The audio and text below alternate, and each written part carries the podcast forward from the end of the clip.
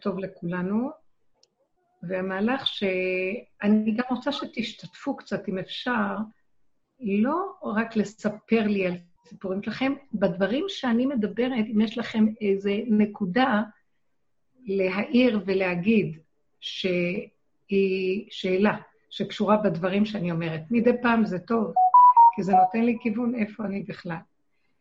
בכל אופן, מה ש...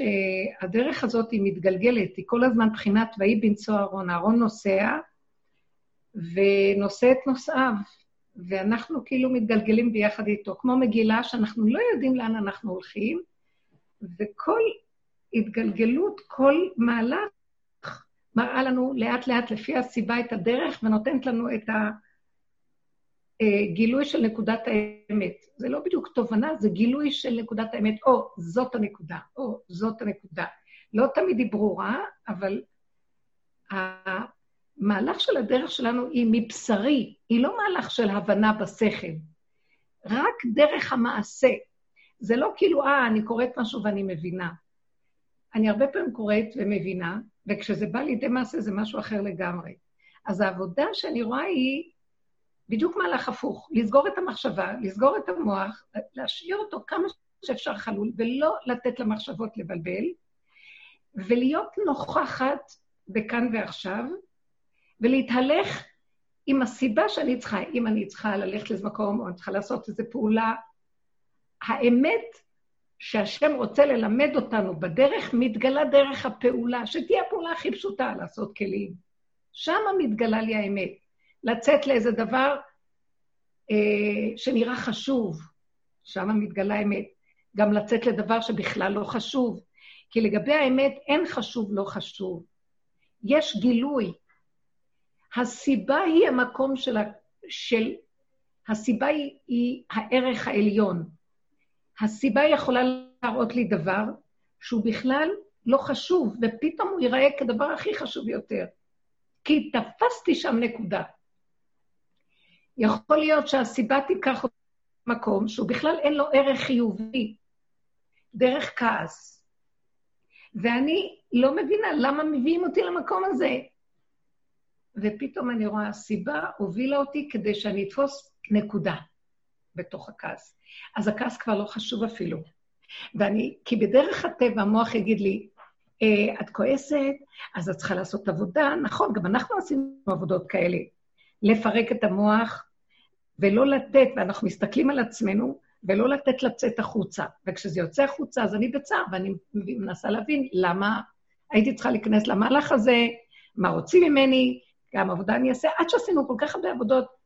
והחלק האחרון שאנחנו נכנסים אליו זה סוף ה-49 שערים, ממש קצת קרוב לשער ה-50. שער ה-50 הוא שייך לבורא עולם לגמרי.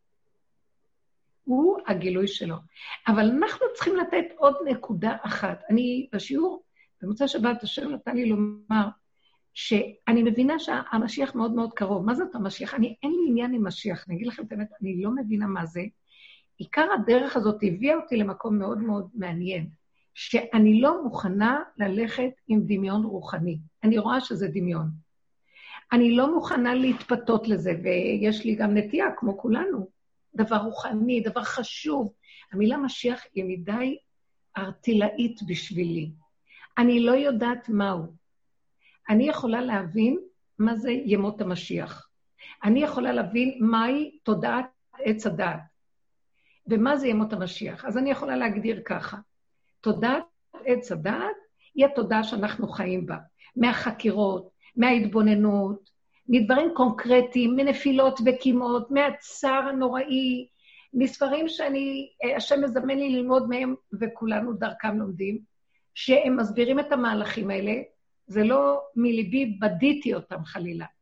תודעת עץ הדעת, כל, אה, כל כתבי הארי ז"ל מתייחסים לעניין של חטא עץ הדעת, שזה משם התחיל הכל. ואנחנו חוקרים אותה כי אנחנו נמצאים בתוכה. אז למדתי להבין שהיא-היא הגורם של כל הסבל שלי. באמת בנתונים שהשם שם לי בעולם אין שום בעיה. מפי עליון לא תצא הרעות והטוב, כמו שכתוב במגילת איכה. זאת אומרת, הפרשנות שלי על הדבר, צורת הראייה שלי את הדבר, אה, המחשבה וה... התרגשות שלי מהדבר, הם יוצרים לי את הבעיה. ולכי עכשיו, תמחקי תודעה, או אה, תהליך שדורות, דורות שלמים חיים על זה. אנחנו כבר לא חיים עם התרבות של העולם החילוני הכללי, אה, של הדורות הראשונים. קיבלנו תורה, והתורה הזאת, היא נותנת לנו קו. מוסר, כל העולם היום הולך בדרך מוסר התורה, רק הם לא הולכים כמו שאנחנו בצורה מאוד מדויקת. אמנם, גם אנחנו הולכים, ואנחנו לעומתם, עם שכל אחר, אבל גם אנחנו נמצאים באותה מצוקה כמוהם. אז אלו ואלו עמלים, אלו ואלו רצים. אז מה ההבדל בין אלו לאלה? אלו רצים בתודעה החיובית משום התודעה השלילית לפי הרצון האלוקי. ואלו הולכים בתודעה השלילית. זאת אומרת, הם לדעתם זה החיובי וזה השלילי. אפילו שהם קיבלו מהתורה והם הולכים דרכי מוסר, העולם, אה, הנצרות קיבלה מהתורה, האסלאם קיבל מהתורה, וכולם הולכים באיזה דרכי מוסר מסוימים. אבל עדיין יש להם את השיטות שלהם. אז אני לא כמוהם. ומצד האמת, כשאני מגיעה לרגעים של התנסות, אז אני והם בהרבה דברים דומים. יש לנו כעס, יש לנו רוגז, יש לנו חרדה, יש לנו פחד, יש לנו קנאה, יש לנו נקמנות, יש לנו נצחנות, ויש לנו קמצנות. יכולים יהוד, יהודים מאוד צדיקים ומאוד קמצנים. מה זה סותר? בגלל שיש תורה? אז הם יגידו, לא, אני נוהג על פי תורה, אני נותן חומש, אני נותן אה, יותר ממעשר, כלומר, אני נותן כבר חומש, הכל... אז מה, אז אני בסדר. גם הגוי אומר, אני בסדר, אני הולך בדרך שלי ואני בסדר, כל אחד מצדיק את, את מציאותו. תודעת עץ הדעת מצדיקה. היא רוצה להיות, כל אחד רוצה להיות צדיק, צדיק במרכאות. גם הערבי רוצה להגיד, אני בסדר. והמהלך הזה של ללכת במקום הזה יוצר לנו כאבים. למה זה יוצר כאבים? כי אם יבוא משהו שסותר את הצדקות, אני צדיקה, עשיתי את מה שאני צריכה לעשות. אז למה יש לי כאבים ממה שהשני אמר לי? ולמה יש לי, אם נתתי צדקה, אז למה יש חס ושלום חולאים? ולמה היו צריכים למות יהודים צדיקים במרכאות? כן, צדיקים, לפי תודעת הדת החיובית היהודית, במצב של הקורונה. אז אני לא מבינה. אז אלו ואלו שונים, אז למה היה צריך להגיד שאלו לא ייגע בהם, כי הם הולכים בדרכי תורה ועושים רצונו של מקום. אמנם יש משהו אחר לגמרי. כל עוד ימות עולם קיימים בתודעת הטבע, עץ הדת שולט, הוא עץ הדת חיובי, אבל זה לא תודעת משיח. תודעת משיח היא משהו אחר. אני, תכף נסביר איפה אנחנו נגמרים מזה ואיפה מתחילים. תודעת משיח היא תודעה אלוקית. תודעת עץ הדת היא תודעת האני. אני בן אדם חיובי. אני יודע שיש השם ואני עושה לכבודו. אני לא יודע מהו, אני יודע שהוא נתן לי כללים ואני עושה לכבודו. ואז לאני שלי יש רגשות, ויש לי תוואים, יש לי יסודות, והתודעה משפיעה על התוואים. אני רוצה להיות צדיק, אני רוצה להיות חכם, אני רוצה להיות במדרגה, אני רוצה דברים רצוניים טובים בשביל האני שלי. אני אומר שכן, זה התהליך להגיע, לעשות לכבוד השם. אבל כל עוד יש לי אני, הוא גונב. גם להבדיל אלפי הבדלות, לגוי יש אני. והוא אומר, לא, אני גם כן עושה דברים טובים בעולם, ואני משכיל, ואני אה, תורם לרפואה, ויש דברים שנעשים בעולם. אבל הוא עושה את זה בשביל עצמו. כמו שחז"ל אמרו, כל מאן דאביד הגוי, לגר מיביד. זאת אומרת, הוא עושה את זה לצורך אינטרס של עצמו. אז הוא עושה את זה בשביל לקבל איזה מקום, מעמד, שכר אה, חברתי, אני לא יודעת אם רוחני. אנחנו אם אמרנו את זה ואמרנו, אבל גם אנחנו מקבלים למען עצמנו, אבל זה רוחני. וזה מותר בתודעה של העולם, עדיף לנו להיות ככה, מה שלהיות, מה שלקבל אה, למען עצמו ברובדים האחרים. החברתי, הרגשי, אה, הפרסומי, כבוד של העולם. חז"ל אמרו, חסד לאומים חטאת. כשהגוי עושה חסד, אז הוא עושה חסד בשביל לקבל משהו לעצמו. ואני מסתכלת ואומר, מה ההבדל בין היהודי היהודי עושה כי הוא נצטווה לעשות חסד מאת השם. אבל אם אני שמה פנס על עצמי, ואני אומרת, נכון, שהיהודי אמור לעשות כשם ציווה אותו. אבל אני רוצה, לה... אני עושה חסד כי אני מרגישה עם זה טוב. אז מה אם אני מרגישה טוב עם זה? מותר לבן אדם להרגיש טוב שהוא עושה טוב. נכון, עצם זה שהאדם חי עם יסוד התורה, הוא מרגיש כבר טוב, מהכוח של התורה שמאיר עליו. אבל יש דרגות לכל דבר. בוא נגיד שיום אחד לא העיר עליי הטוב הזה, נתתי חסד, ושמעתי שמישהו אחר נתן יותר ממני, וכולם פרסמו שהוא נתן, אה, סליחה, פחות ממני, וכולם פרסמו שהוא נתן, ואני, אף אחד לא אמר עליי כלום שאני נתתי. אז זה לא חסד לאומים חטאת? אני חלילה יכולה להיכנס בגדר הזה שאני והוא אותו דבר, מה ההבדל? כי בתוך כל הרוחני הזה עדיין יש אני והוא מתגנב לעצמו, והוא מבלבל את האדם.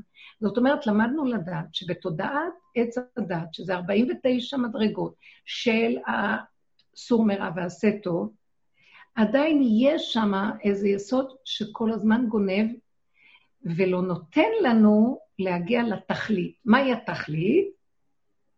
אני השם. כל עוד יש לך אני שלך, לא יכול להיות אני השם. מה זאת אומרת? אבל, אבל אני, אני, יש לי אני, ואני עושה לכבוד השם.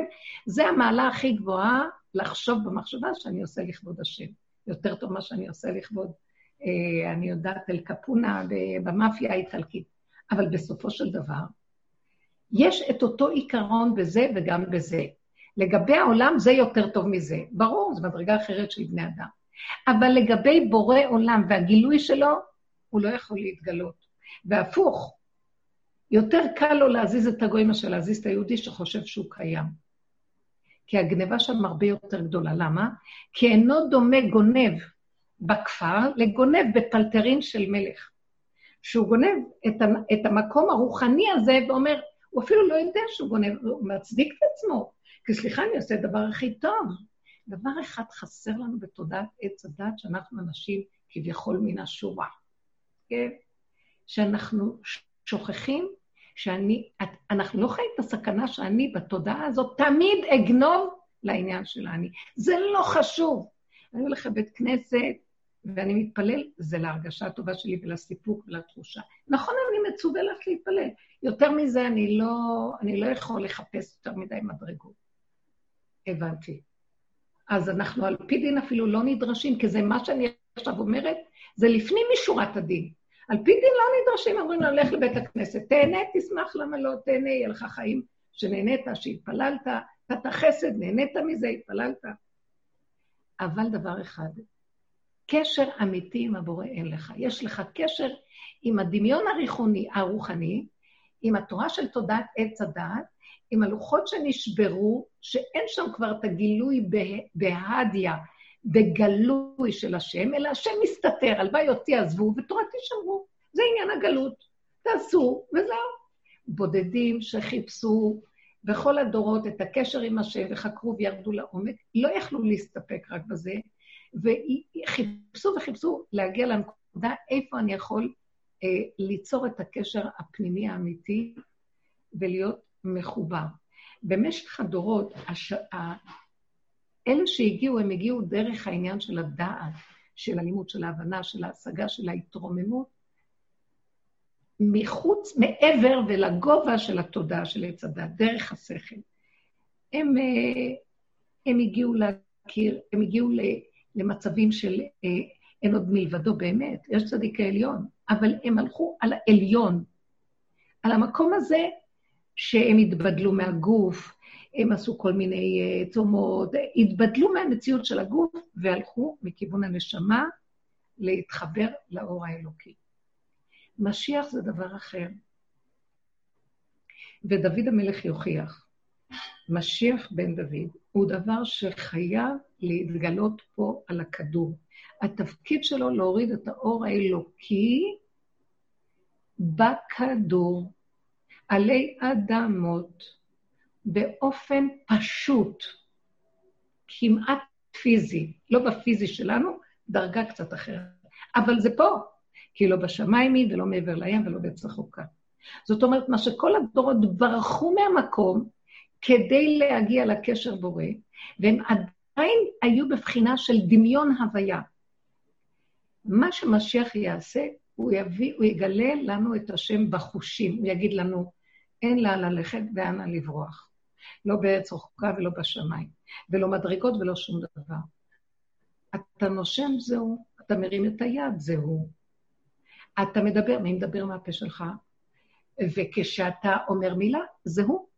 וכשאתה בא מחשבה, זה הוא שלח את המחשבה, זה לא שלך. הוא ימוסס לנו את יסוד האני, ויראה לנו שאין בכלל, זה דמיון, האני הזה הוא דמיון, ואנחנו כל הדורות עבדנו עם הדמיון, כי זה מה שהיה. לקראת הסוף, הוא יגיד, אין, יש רק השם. האני, יסודו בעין. העין מגיע למטה, והוא נהיה אני, אבל לא אני של הבן אדם אני. אני השם, אני השכינה. השכינה נקראת אני. ואילו בתודעת עץ הדת זה אני אני של הדמיון של עץ הדת. אה, יש, השכינה נקראת אדוני הארץ, וכשאנחנו אומרים ברוך אתה השם, אז חז"ל נתנו לנו להגיד את שם אדנות, א', ד', נ', י'. בשם הזה יש אני, ויש את האות ד', א', ד', נ', י'. קחו את הד', יש אני. אותה אני של אדוני הארץ, זה העין של התחלת בריאת העולמות. אני ראשון ואני אחרון, ואין עוד מלבדי. אני השם לא שניתי. אני, העין זה הכתר, הקורונה, הכתר, קראון, והאני זה השכינה, אדוני הארץ. אין אני ליד האני של אדוני הארץ. לא יכול מישהו להרים את הראש ולהגיד אני. אז אני ממחישה לכם, תודעת עץ הדת יש לה אני, אני צדיק, אני עושה לכבוד השם, יש לי כללים, יש לי חוקים. אנחנו מנותקים מהיסוד האלוקי. אנחנו חיים בתודעת עץ הדת, אם אני צדיק, שיש לו מחשבה, שיש לו ספרים, שיש לו הבנה, שיש לו השגה, שיש לו הלכות, שיש לו הכל. וזה מה שנדרש מאיתנו. מה, מה את מקשקשת? מה, מה את מקשקשת בקשקושים? הכל טוב ויפה עד 49 השערים. הריון, שער בין ה-49 ל-50 מתחילים חבלו של משיח. מתחיל ירידת מים, מתחילים צירים. מתחילים המציאות שמתחילה להיכנס לעולם, לבלבל לנו את תודעת עץ הדת, והשעה לא תהיה קלה עלינו. האני מתחיל להתבלבל. כל מה שקורה בשנים האחרונות פה, הרבה שנים כבר, אבל אה, לפחות ב-30-40 שנה האחרונות, שהעולם הפך להיות עולם של נפש, כולם עם בעיות נפש. נפש, נפש, נפש, נפש. כולם מדברים על הנפש ועל הנפש וכל מיני שיטות של הנפש, הנפש. האני אה, של האדם, ממדרגת האני הרוחני של דורות קדומים, נשמה, ברחו לעולמות העליונים, האני של הרוח, שזה גדולי תורה, נכנסו בעולם הדעת של הפלפול, ולהוציא איפה נקודת האמת בדעת, אה, אה, טוב מתוך רע של עץ הדעת, טהור מתוך טמא, מותר מתוך אסור, כשר מתוך פסול, זכאי מפני חייו, ובררו ובררו ובררו, נלחמו עם המוח של הנחש בתודעת עץ הדת. והוציאו נקודות של אמת. עדיין זה במוח, ויש שם עדיין אני. והשם מאוד אהב את הדרך הזאת בכל הדורות, ואין לנו רק ד' אמות של לימוד התורה בכל הגלויות. לקראת הסוף, גם השם יגיד, זהו, נעשתה העבודה הזאת במוח, מה אני רוצה מכם? קחו, תעשו את ה... תיכנסו למידות שלכם, תשתלשלו למטה. אנחנו רוצים לפרק, לעבור דירה. מהמוח אנחנו עוברים לרוח, לנפש, מהרוח לנפש. רוח זה בחינת העולם הרוחני לנפש. הנפש, העבודה שלכם בנפש, זה תתחילו להוריד את האני ותראו איך אתם נראים בנפש. כמה ידע, כמה השגות, כמה זה, כולם חולים, רבותיי. חולים בדרגות שונות של נפש, שגם אחר כך מתראה בגוף. חרדות, פחדים, כאבים, צער, רוגז, ואנשים שמקיימים מצוות. אז מה נעשה? באה הדרך של הסוף. כמו שדוד המלך היה הרועה האחרון, והוא הבחינה הסוף של המהלך, הדרך שלו בשביל גילוי משיח, והשם קרא לו משיח צדקי. כך גם הבעל שם טוב הגיע לקראת הסוף והוריד איזה מין אור שהוא שונה ממה שהיה ידוע אז. מה היה שהיה אור ידוע? דרך השכל. היו התנגדויות, המתנגדים, כן? ואז המהלך הזה, מה הוא אמר, בעל שם טוב? הוא בא פתאום עם מהלך שלא היה מוכר, הם מאוד פחדו אז מכל מיני משיחי שקר. היה לפני כן התקופה של שבתאי צבי, או כל הדברים האלה, אולי זה היה אחרי, אני יודעת משהו קצת. ירדו כל מיני אורות לעולם. כמו שכתוב בזוהר הקדוש, בשנת תר לאלף השישי, שנת 600 לאלף השישי, זה היה בתקופת הבעל שם טוב, בתקופת הגאון מווילנה, ירד אור גדול מאוד לעולם, ויתחילו להיות שינויים. והשם רוצה לרדת אה, בגילוי לעולם. מאיפה למדו את זה? מהזוהר שאומר, ויהי בשנת 600 לחיי נוח, נבקעו כל ארובות השמיים, נבקעו כל מעיינות תהום רבה, וארובות השמיים נפתחו, וירד מבול על העולם. אז אומר הזוהר הקדוש, זה יהיה מבול של דעת. רד אורות לעולם ירדו. זה גם היה הזמן שהתחילו לגלות את כל הגילויים של החשמל, הקיטור, אה, הרפואה התפתחה מאוד, וכל מיני דברים שקרו. והמהלך ש, ש, של הדבר הזה אה, היה קשה, כי כל העולם מתקשר בצורה אחרת. פתאום יש כאן משהו שהבן שם טוב הביא, ואומר, אה, לא צריך את כל הספרים, הוא הביא כיוון של תיכנסו למידות, תראו את הבהמות שלכם, את הבהמה שבתוככם, תראו את המציאות, שהפשוט שבפשוטים יש בו נקודה מאוד מאוד גבוהה וגדולה. צריך להוציא מנקודת הפשטות אין הנקודה האלוקית. אני לא כל כך מתמצאת ב... ב... במה שהבעל שם טוב אמר. אני רק יודעת שהדרך הזאת שנכנסתי אליה, וזה רב אושר, שנתן את הכיוון הזה, היה שונה ממה שידעתי כל הזמן. וכשנכנסתי אליו, וכאילו הסתכל עליי, ואני באה לומר לו, תן לי דרך בעבודת השם, אז הוא אומר לי, אה, עבודת השם, אמר לי כמה דברים, אבל פעם עבודת השם, אה, אמרתי לו, כן, באמת, אני צריכה התקדמות באמת. אז הוא כאילו הסתכל ואמר לי, לא, אין לך אמת. אה, למה את עובדת, יש לך עבודה, אבל למה את עובדת את השם כאילו בונולולו, ואת לא באמת? שאמרתי, מה זה אני לא באמת? אני הולכת עם תורת אמת, מה זה אני לא באמת? מבינה מה הוא אומר. ואז, כאילו, הוא דיבר, אני לא זוכרת מה, אבל כאילו הוא אומר, אמת מארץ תצמח, ואת נמצאת מדי גבוה. ואז המהלך שעברתי אחרי הדיבור הזה, פתאום התחלתי להכיר שבין הידיעה שלי של האמת, ההבנה, ההשגה, או האמת זה התורה, מה שאומרים לי ומה שאנחנו לומדים, וכל מיני אה, פר, פרשנויות, לבין המציאות האמיתית שלי, היא שבורה. בין וידעת היום לבין והשבות האלה בבך אין קשר כמעט. יש. אבל כשבא לי רגע של ניסיון, אני לא עומדת בזה. אני רואה שאני חרדתית, ואני רואה שאני כועסת, ואני מצדיקה למה שאני אהיה חרדתית, כי הוא הפחיד אותי, כי הכלב נבח, כי, כי זה אמר את הדבר שזה לא נכון, לא ככה עושים, ולמה אני, אני מקמצת?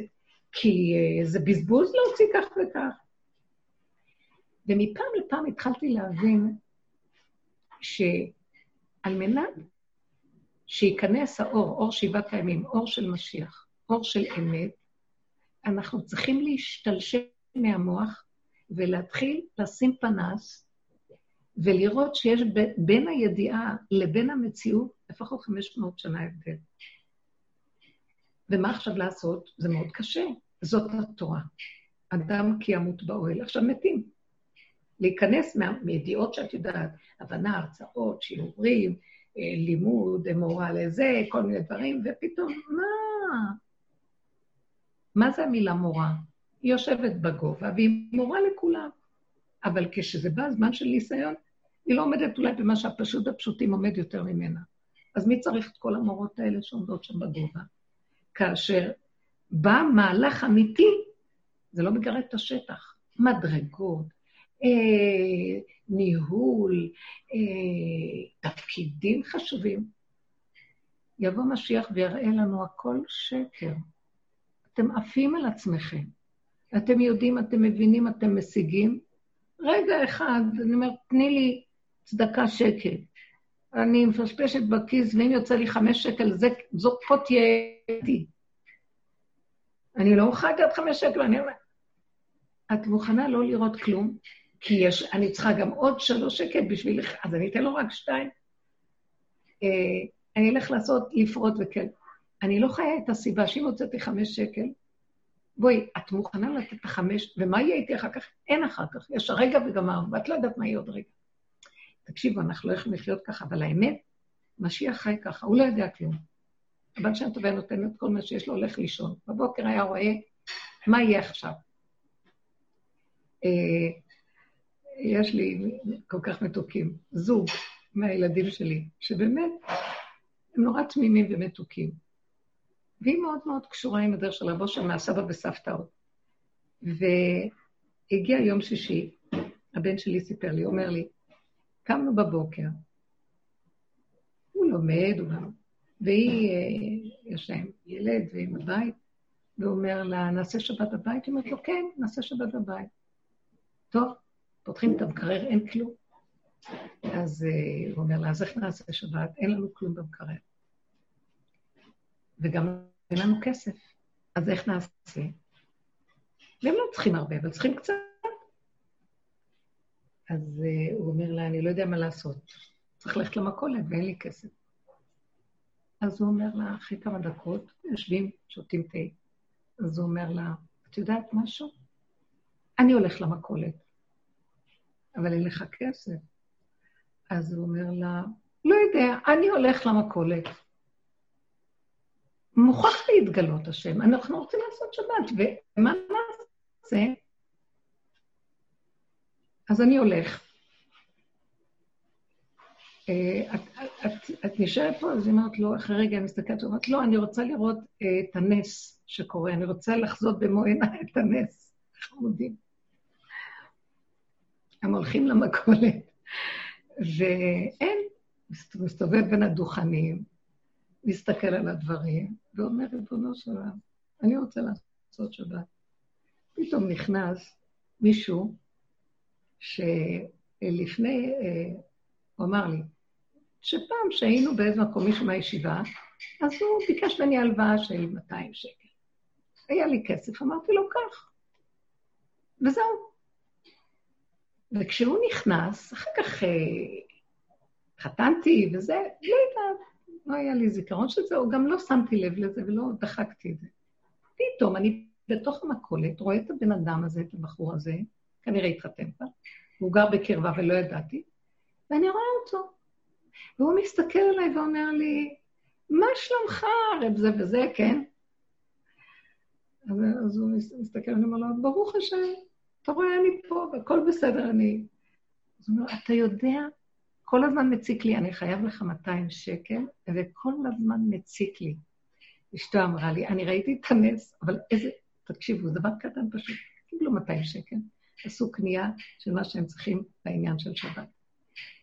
אז אני הסתכלתי ואמרתי, זה קשה לחיות ככה, נכון? כשדיברנו אחר כך, הוא סיפר לי את זה. ודיברנו, ואז אמרתי לו, זה ממש נפלא. וזה מאוד קשה לחיות ככה. אני, אנחנו מדברים על הדברים, אמרתי לו, זה צריך להיות נרבים חזקים שנחיה כולנו ככה. התחלנו לראות על המקום הזה, מה, מה זה הנרבים החזקים. אז הגענו לאיזה נקודה והמסקנה הייתה כזאת, אם נלך בשיטה של עץ הדת, לא נוכל לחיות ככה. אז השם לא נתן, לא יודעת, לא הלך להם, זה לא הולך, זה לא הולך, זה לא הולך, אז הם נשארים במקום ואומרים, במקום שאני אפול בייאוש, זה כנראה המציאות. אז בואו נלך איתה ונראה מה יכול להיות. בא לקראתם זה, נפתח להם זה, מישהו מביא להם זה, אה, אה, מקבלים כסף של העבר, פתאום עליי זה. והם חיים בנקודה, אני לא מדברת עכשיו דווקא עליהם, אנשים מהסוג הזה חיים בנקודה של למה לנו בכלל להיכנס בעד דקפשא ברחמנה? במוח של הטבע, שמתחיל לחשב. בואו נחיה את הנשימה ונראה מה יקרה.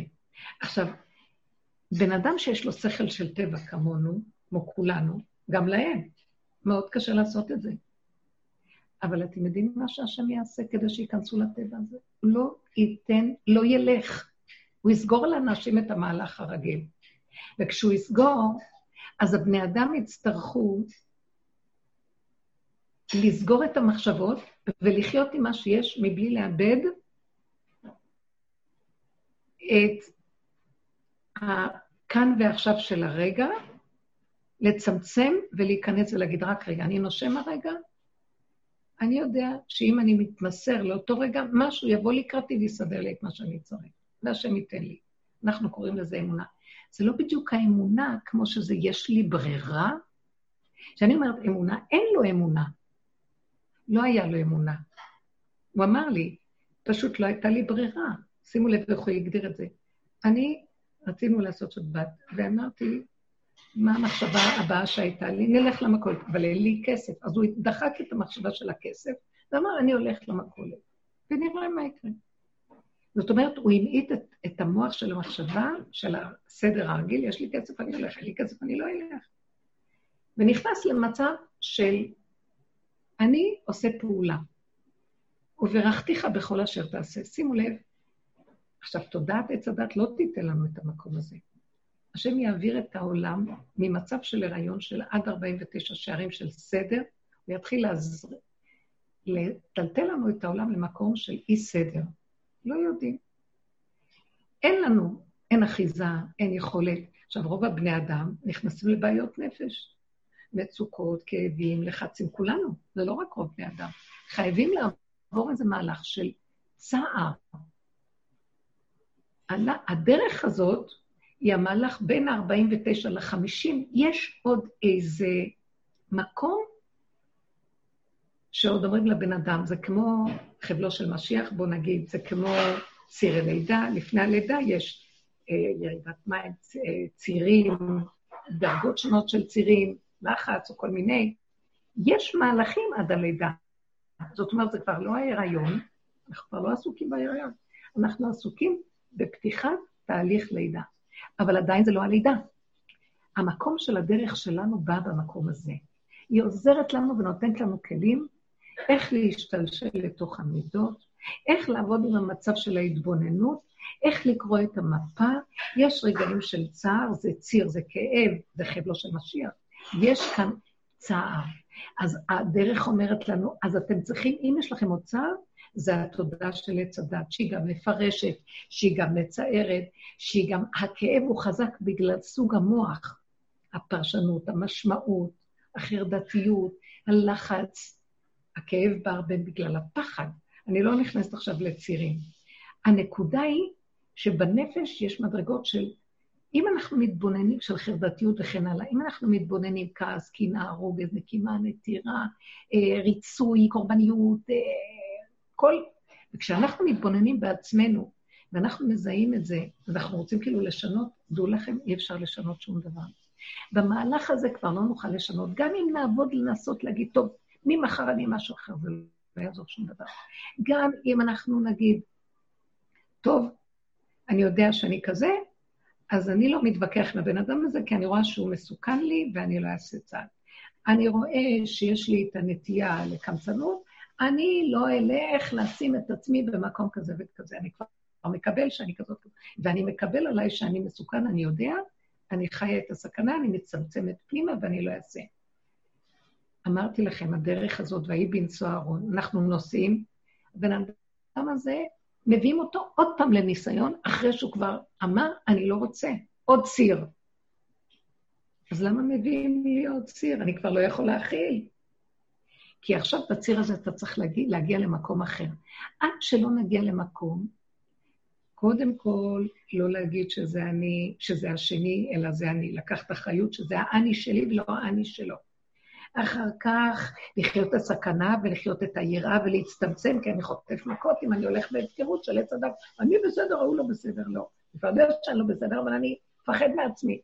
מפחד עד מחר, לא שמתי לב, נפלתי עוד פעם לבור. אז הכאבים גדולים, אני אומרת, מה אני צריך לעשות? אוי לי מצרי, אוי לי מיוצרי, אני יושב בנקודה ש... מה אני יכול עוד לעשות? השלב הבא שאני נופל ויש לי כאבים, היא להגיד, אה, אני איך שזה ככה, הכל בסדר. גם אם נפלתי, אני לא מוכן להתרגש יותר. אני, אני נכנס למהלך שאני לא נשבר מכלום, כי אין לי את היכולת להישבר. אין לי את היכולת להתרסק שם. מה זאת אומרת אין לי את היכולת? הכאבים של השיוורון גומרים עליי, לא מסוגלת להיכנס למקום. זאת אומרת, אנחנו מביאים את התהליכים האחרונים, בין 49 ל-50, יש עוד איזה נקודה של עבודה שנותרה, והעבודה הזאת, הדרך הזאת, גם יש לה תהליכים דומה ודומה מתקן, זה לא השני, זה אני, אז אני חי עכשיו את הסכנה שלי, אני כבר יודע שאני שלילי, יש לי צער וכאבים, יש לי איסורים, הדרך הזאת יש בה איסורים, אדם כי ימות באוהל, האגו מתחיל למות. עד שזה מגיע למקום, מה שאני לא עושה, עוד פעם זה מת. כמה אפשר לעבור? כמה, כמה אה, צירים? עד שאני לומד לדעת ככה, עד שאני לא אצחק מהכל ואני אגיד, אין כאן כלום ואני לא מוכנת לעשות שום עבודה, אין לי כוח ואין לי כלום, איך שזה ככה, הכל בסדר. נושם, וזה לא שלי פה כלום. אני מוסרת את הכל אליך, אני לא יכול כלום, עד שהבן אדם לא יגיד. אני לא יכול כלום, אני לא רוצה להיות יכול. הוא גם לא יגיד את זה בעצבים וברוגז, כי אז הוא גם כאוב למה הוא לא יכול, כי אם הוא מתרגז, ואם הוא בצער, סימן שהוא עוד חושב שהייתי רוצה להיות, אבל מה אני אעשה בלית ברירה, אני לא יכול. הוא צריך להגיע מכיפורים גם לפורים, ולהפסיק גם להצטער שהוא לא יכול. אלא להגיד, אני לא יכול, ואני לא אמור להיות יכול, ופתאום כל החטא של עץ הדת מתגלה, שהנחש אמר לנו, תאכלו מעץ הדת ותהיו כמו אלוקים, ומאז אנחנו כל הזמן רצים להיות משהו, ולעולם לא משיגים להיות כלום. הכל אחיזת עיניים, כל 49 שערים האלה, זה הכל גניבת דת של אחיזת עיניים של ישות, שכל הזמן רצים למדרגות קדושי עליון. בסוף השם יגיד, טוב, טוב, כולם עכשיו עשיתם את כל העבודות, אבל משיח לא יהיה במקום שעשיתם. השם לא מתגלה שם, הוא מתגלה דווקא באדמה. אז הסוף תעשו, חזור לאחוריך. אז למה עשינו את כל העבודות האלה? למה לא אמרת לנו מההתחלה? לא הייתם יכולים לעשות מההתחלה. סור מרע, עשה טוב, הייתם צריכים להתיש את הכוחנות של הגדלות שאני יכול, אני יכול. עד שתמותו ותגידו, אתה לא יכול. וגם כשתמותו, תצחקו, ותשחק ליום אחרון. סליחה, אני קיצונית, אה? אל תיבהלו ממני, אבל זאת האמת לאמיתה. ואני... רבנית, אפשר לשאול שאלה? רגע, מההתחלה תצחקו, תגידו לא יכול. אתם צריכים להרגיש שאתה לא יכול, ולהיות בכיף כמו ילד קטן שלא יכול, ולשמוח ולא להישבר משום דבר. המסר האחרון שאומרים לנו, אם תישברו, זה עוד ישות. זאת אומרת, תישברו, הכוונה, תצטערו על השבירה. הכוונה, לא הלך לי, לא הסתדר, יצא לי כעס, עשיתי... אה, פרי הארץ אומר דבר כל כך יפה. הבן אדם כעס, היה לו חרב, וזה שהרגיז אותי, הוא לא יכול היה לי, לי, לי, להתגבר, לקח את החרב והרג אותו. החרב נוטפת דם. אם באותו רגע, זה כמובן ציור, אם באותו רגע הוא אומר, אני לא יכולתי אחרת, והוא מסתכל על הכל ואומר, אמת לאמיתה, לא יכולתי אחרת. למה, עץ הדת יגיד לו, למה לא עשית, היית צריך לעשות ככה, אוי ואבוי לך, לך לך, גיהנום, זה החלק שלו. יגיד, נכון, ולא יכולתי אחרת. נגמר הקטרוג, אבל זה צריך להיות אמיתי, אמיתי, אמיתי. וכל התרגול של הסוף יבוא לזה. רק כשהיא יולדת אומרת, אני לא יכולה יותר כלום, היא כאילו מתעלפת לתוך מצב של אני לא יכול. מה זאת אומרת מתעלפת? האני שלה מתעלף, שילך, יאללה, שיעוף. ושהיא תישאר ולא יכול כלום. שמה שער החמישים נפתח. אם אנחנו לא נשבר, וצריך בשביל זה הרבה התאמנות של חוזק הלב, חגרה בעוז מותניה, לתת שריר חזק, ומה שלא יקרה, אנחנו לא נשברים לצחוק. כי באמת אין כלום, זה דמיון של עץ הדת, המדרגות. אז זה כל הזה, בסוף להגיד, אחרי כל כך הרבה עבודות נפלתי, אז אני לא יכול שום דבר. ולצחוק, פורים, זהו. שם מתגלה שער החמישים. מה רצית לשאול, יקרה? אה, שלום הרבנית. אני רוצה רק לנסות להבין אם הבנתי נכון, כאילו לדייק יותר. אה, אחרי השלב שאני מבינה שבין התיאוריה לבין המעשה יש מרחק של עשרת אלפים, אה, ובאמת... חמש מאות שנה. חמש, אוקיי, לצמצם את הפער. שאני מבינה שבאמת יש הבדל בין התיאוריה למעשה. מה אני עושה כדי למשל, לא משנה, להפסיק את הרוגז, את הפחד, לא משנה את מה. זאת אומרת, פשוט לצחוק על זה, פשוט להגיד, אני לא יכולה אחרת, ככה אני יכולה להגיב, ופשוט לנסות לא להתרגש מהרגש אם הבנתי נכון? תקשיבי, הדרך שלנו היא דרך אמת. מהי דרך אמת? דרך אמת זה, את יכולה משהו אחר חוץ מאיך שזה ככה? מבינה מה אני אומרת? כן. אנחנו עושים טעויות נופלים. למה עשיתי? לא הייתי צריך לעשות. אדוני, כרגע נפלת? כרגע זה מציאותך? כרגע, איך שזה ככה. זאת האמת. אז מה אתה, למה עכשיו אתה יורד? לא הייתי צריך, כן הייתי צריך, מי מחר? אנחנו לא, לא מודים באמת. מה זה מודה באמת? יום כיפורים מודים באמת. ואיזה וידויים אנחנו אומרים, אימא לאף אחד לא חושב שהוא עשה את כל מה שהוא עשה. ואנחנו עומדים ומתוודים, וידויים נוראים. על חטא כזה ועל חטא כזה ועל חטא כזה ועל חטא כזה, לא השאירו דבר שהבן אדם לא מתוודה. חז"ל, תקנו לנו את כל הווידויים. מה, מה הם רוצים מאיתנו? שנדע שאנחנו לא יכולים. נגמר יום כיפורים, מקבלים אה, אורות של י"ג מידות הרחמים, וכל אחד רץ עם היכול החדש. זה מאוד קשה, התוכנית פה קשה. צריך לקחת היום הכיפורים ולהביא אותו לפורים. מה זה פורים? לא יכולים. לא יכולים. מה? תביני מה אני אומרת. כשאת אומרת, אני נותנת כאן עצות, מה לעשות? אז יש לנו תהליכים בעבודה. אני חוזרת על העקרונות של העבודה, וזה מהלך. היום כבר הצטמצמו המהלכים, ואנשים מאוד בנקל מקבלים והם נמצאים שם. מה שפעם היינו צריכים לעשות 20 שנה של עבודה, רב אושר עשה 80 שנה של עבודה. תקשיבו, אנחנו בדרך כלל בתודעת עץ הדת רוצים להיות צדיקים ומאוד מאוימים שמישהו יגיד עלינו משהו רע. כי אנחנו בחיובי ורוצים להיות כאלוקים, והוא בא ומראה לנו עכשיו, הוא אומר, מצביע על איזה נקודה של חולשה, ואז זה מאוד מזעזע אותנו. אז אני מגינה, אני מצטדקת, אני מאוד מאוימת. המאוימות הזאת זה האגו. הוא רוצה להיות צדיק. אז מה, את רוצה שאני אהיה רשע? לא. אבל גם אני לא רוצה שתהיה צדיק. אז מה את רוצה שאני... תעשה מה שאתה מחויב על פי תורה, ואל תחזיק טובה לעצמך. אתה יכול? זה התכלית. כי רק שם יכול להופיע השם, כי האני גונב. הוא אומר, אני צדיק. אז מה, לא נעשה? תעשו, כפה עלינו הר כגיגית. אין לנו ברירה, בואו נעשה. אבל הפסיכולוגיה של העשייה צריכה להיות, אני אעשה כי אני מצווה. אם יש לי שמחה מזה, תודה השם שנתת לי רגע שמחה, אבל לא יושב על זרי דפנה, מחפש איזה מדרגה, רושם לי וי בספר הזיכרונות והחשבונות, ואני משהו, כבר אני יודע מה יהיה אצלי בעולם הבא. אה, המצב הזה הראשוני שאנחנו מתחילים לעבוד עליו, זה להגיד כזה דבר. אם אני מאוימת ממה שהשני מראה לי את השלילה שלי, זאת אומרת שאני מכסה על האמת ואני רוצה להיות בשמיים צדיקה. כי האמת נמצאת ברגע הזה, מה שקרה לי באמת, שם האמת. בואי תודי על האמת. מה זאת אומרת? הוא אומר שאני מאוד שלילית. זה מאוד מרגיז אותי. מה פתאום אני לא שלילית? אם אני מתרגשת מזה, יש נכון בדבריו. אם אני מתפעלת, מתרגשת, זאת אומרת, אני מתוכי הוצאתי נקודה, אז זאת אומרת שיש כאן נקודת אמת. אז אם אני רואה שאני מתרגזת, אני אומרת לעצמי, אז תודי באמת, את, את לא חייבת להגיד לו, נכון, אתה צודק.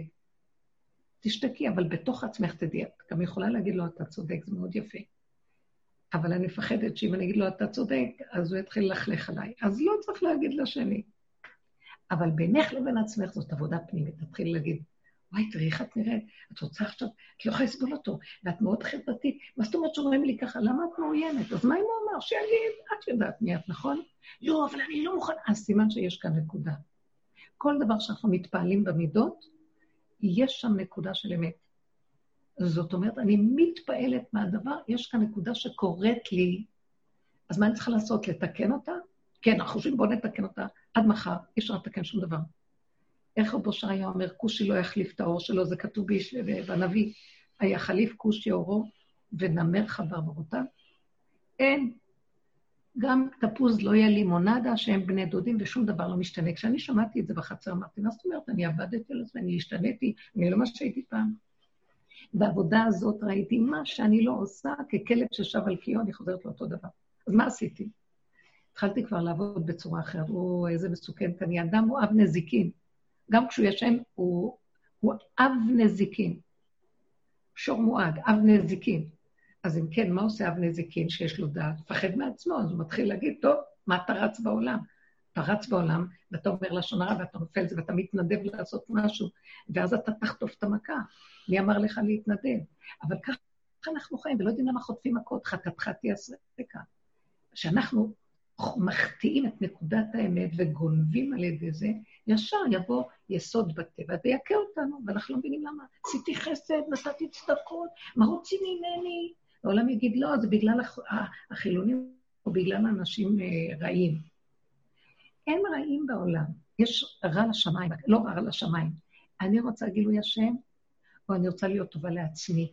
נמאס לי כבר מהמשחק הזה, לא רוצה כבר את עצמי הזה, כי הוא מענה אותי, הוא מכאיב לי, הוא מבלבל אותי. אז העבודה הראשונה היא קודם להבין, אם משהו מרגיז אותי שהשני אומר לי, או הסובב מראה לי איזה חרדה או משהו, הנקודה אצלי. זה לא הכלב מפחיד, לא הערוד ממית, החטא ממית. יש בי נקודת חטא מתודעת אדם הראשון. הישות, האני, וייתם כאלוקים. אני משהו, ועכשיו הפחד מראה לי שאני לא משהו, אז אני מאוד מאוד מבוהלת שאני לא משהו. זה מאוד תת-הכרתי, כל כך אנחנו שנים ככה.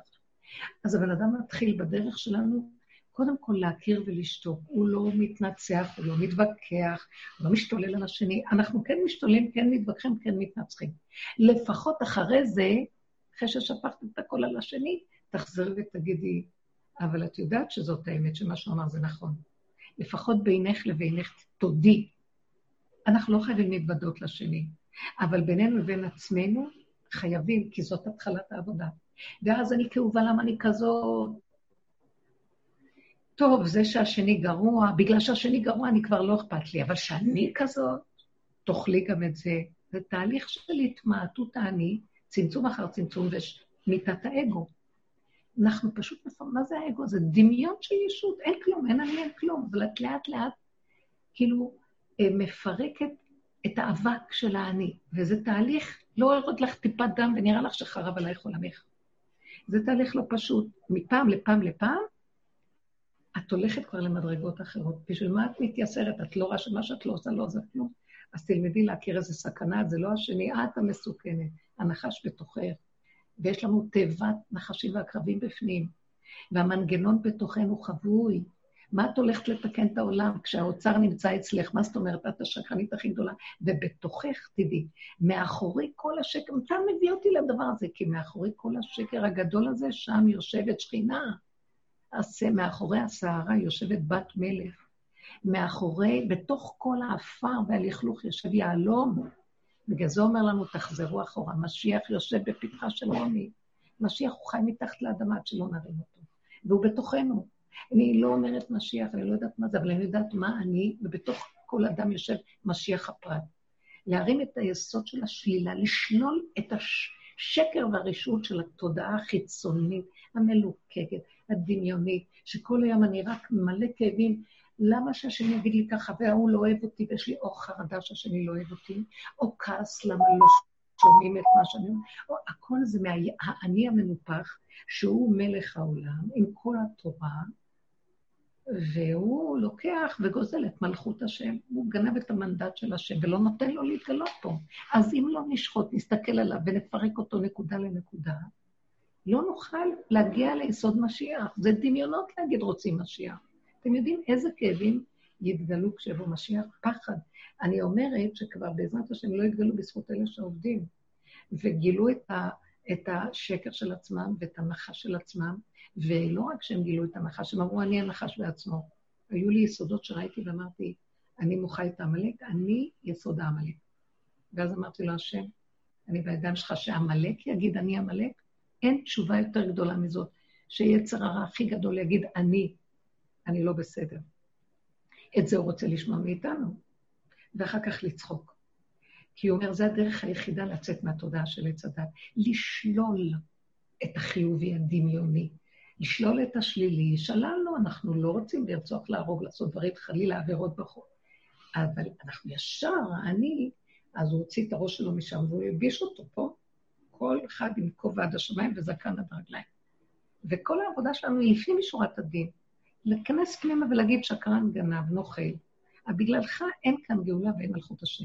וכל הכאבים של האדם בגלל שהוא לא מגלה את הדבר הזה. אז אומרים לו, אתה לא מגלה את הדבר הזה, אז יהיה לך כאבים מהדבר הזה. אז גם לזה שמתחיל לגלות יש כאבים, אבל לפחות זה, אה, זה לקראת לידה, לפחות תגמרי עם תינוק ביד, ההוא יש לו כאבים, לא יודע למה יש לו כאבים, כל היום רב עם כל העולם. ולא רוצה בכלל לחשוב שזו המציאות שלו. אז התהליכים הוא להכיר ולהודות. עד שמגיעים למקום שכבר אין לנו כוח אפילו להיכנס למהלכים האלה, נהיינו כבר כל כך חלשים, האני כבר מתחיל להתקטן, האריה הגדול הזה כבר נהיה זקן, הוא בקושי יכול לנהום, אין לו כוח, והוא רובץ תחתיו, ונהיה גולם, לאט לאט מתחיל להיות גולם. גולם, כמו ילד קטן שאין לו כוח לכלום, ונורא פשוט לו להגיד, אני לא יכול, ולא מוכן בכלל להישבר משום דבר, ולהגיד, איך שזה ככה, הכל טוב. שם מתגלה השם, עוטף אותו, נותן לו כל מה שהוא רוצה. אז למה לא להגיע למקום הזה? וזה המקום ששם כל העולם, כל, כל העולם מחכה לאדם הזה שיגיד, אני לא יכול, ויגמור את הבחירה של היכול. אני, יש לנו בחירה, את יכול? את יכולה? מה, את רוצה לעשות זה ולהגיד, אני לא יכול, זה הפקרות? לא, גם את זה נוותר ונגיד כלום. לקראת הסוף, מה שלא עשינו, לא יעזור כלום. נצטרך להגיד, אני לא יכול. כמו לידה. אין אישה ש... שעוברת את תהליך של לידה בלי פידורה ואומרת, אני יכול. אולי יש שלא היו בפתקה של חווה, אבל כולנו אכלנו, אכלנו מפתקה של חווה. אפילו במשהו יש לנו. יש כאלה ארוך, יש כאלה קצר, אבל הדור הזה כבר השם אומר, אין להם כוח, אין להם מפידורל. הפי, זה דור של הפי, הפי דורל. הפי שעושה דור ראונד, מסתובב, דור מלשון להסתובב, והדלת והזין נזורו אחור, כאילו הסתובבו אחור, עם התחלפות ביהדות, והבן אדם אומר, אני לא יכול. אה, לא יכול. אז מקבל הפידורל, הכל בסדר, מה קרה? פעם נשים היו מתות בשעת לידתן.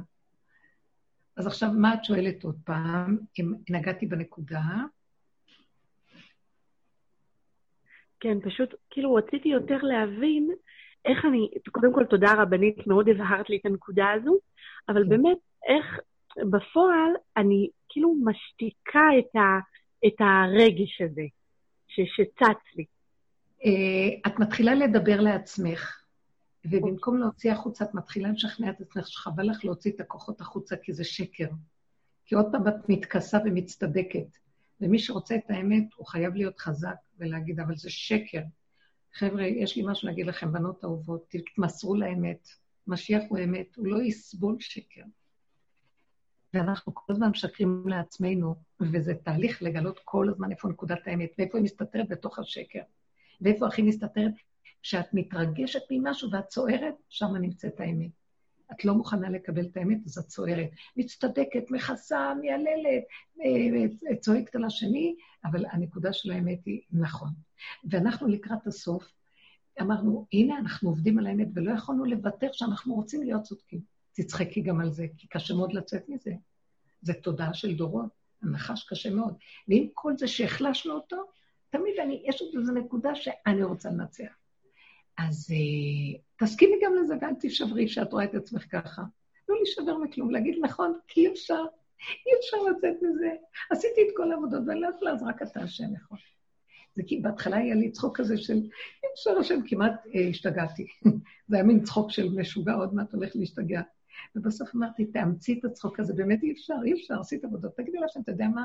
תשש כוחי, ואני לא יכולה יותר, אני גם לא רוצה, אני מוסרת לך את, את המהלך הזה, כי זהו, אתה רוצה, תוציא את הראש, והכל נגמר, כי אני לא יכולה. זה המקום שהוא מתגלה. הוא אוהב את הווידוי של השם אוהב את האמת. מודה ועוזב, ירוחם. מתגלים הרחמים. י"ג מידות הרחמים. מה זה י"ג מידות הרחמים? שזה אור הברית, זה אור גבוה מאוד, שאין לו רעים טובים, אין כן ולא, אין לטובים הוא ייתן לרעים לא, הוא נותן לכולם וזהו. כי מי יעמוד, מי, כי לא יצדק לפניך כל חי. מי יכול להגיד, אני צדיקה, מגיע לי. אני יכולה להגיד להשם דבר אחר. ריבונו של עולם, אין לי כוח יותר להילחם. מה שלא עשיתי, השד הזה חוזר ומשגע אותי. אז אני פונה אליך, ואנחנו פונים אה, לשד, בדרך כלל בתודעת עץ הדת, רבו שרי אומר, שיביתי השד לנגדי תמיד, לא השם. כי אנחנו כאילו פונים לאיזה מין השם כזה, כאשר אין לנו את האמת, זה לא השם. השם חותמו אמת, לא יכול להיות שנפנה להשם ואין שם אמת. לכן השם מתגלה רק כשאני אומרת האמת. ומה האמת הכי גדולה שלי? שאני שקרן, שאני לא יכול, שאני עשיתי את כך וכך, ואני מודה. אז אם כן, האמת תמיד מסתתרת, האמת זה הבורא עולם, תמיד מסתתרת אחרי שהבן אדם אומר את האמת שלו.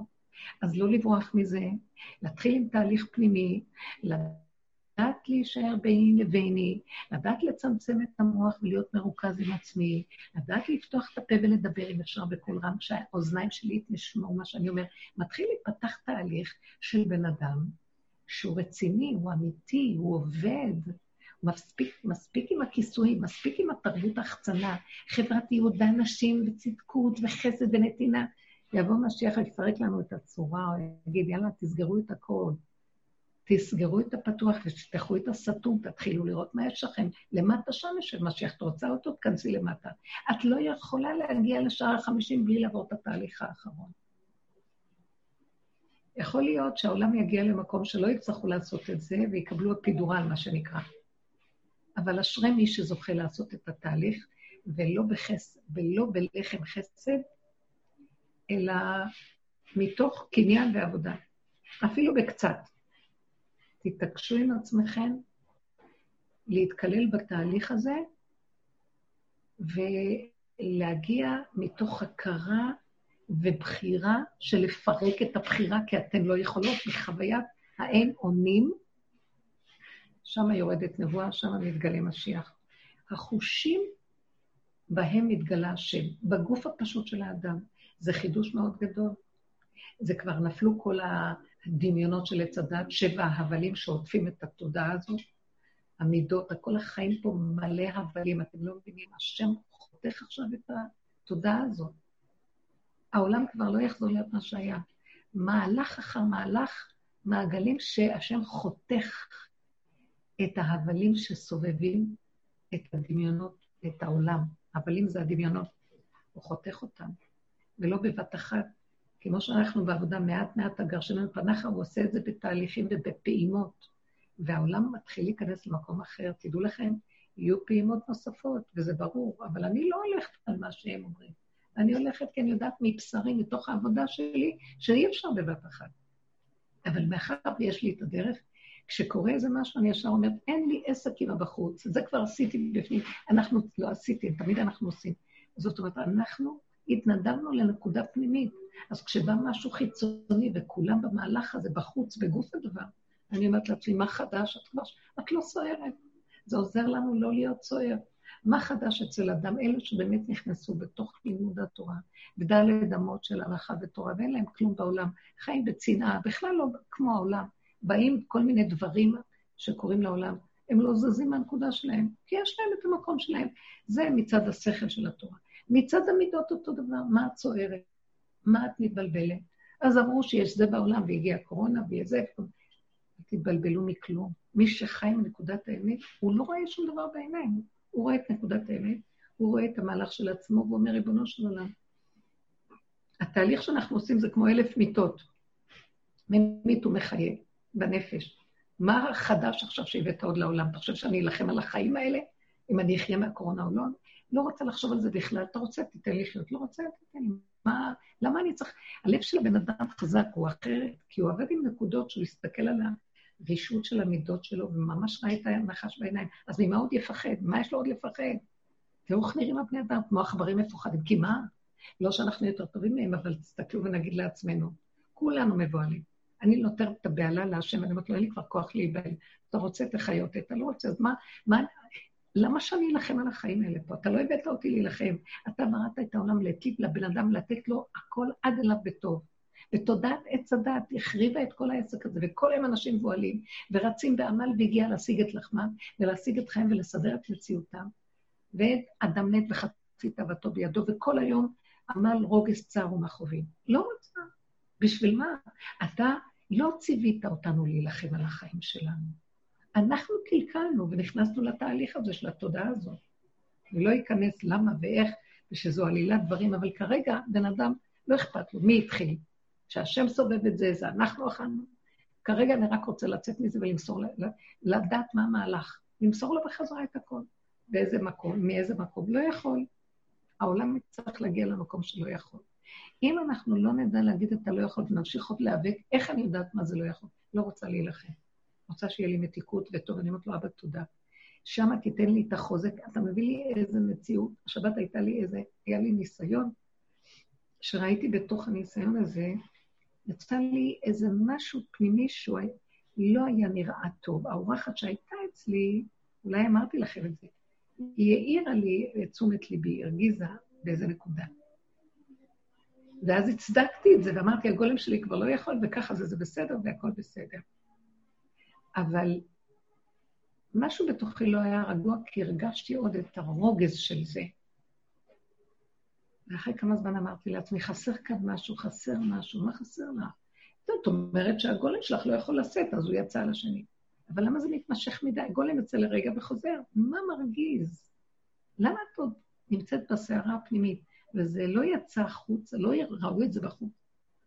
אבל אני הרגשתי, ואז אמרתי לעצמי, פתאום התחננתי להשם, תראה לי, מה, מה אתה רוצה ממני? אני לא יכולה לסבול את האנרגיה הזאת בשבת, זה לא לעניין.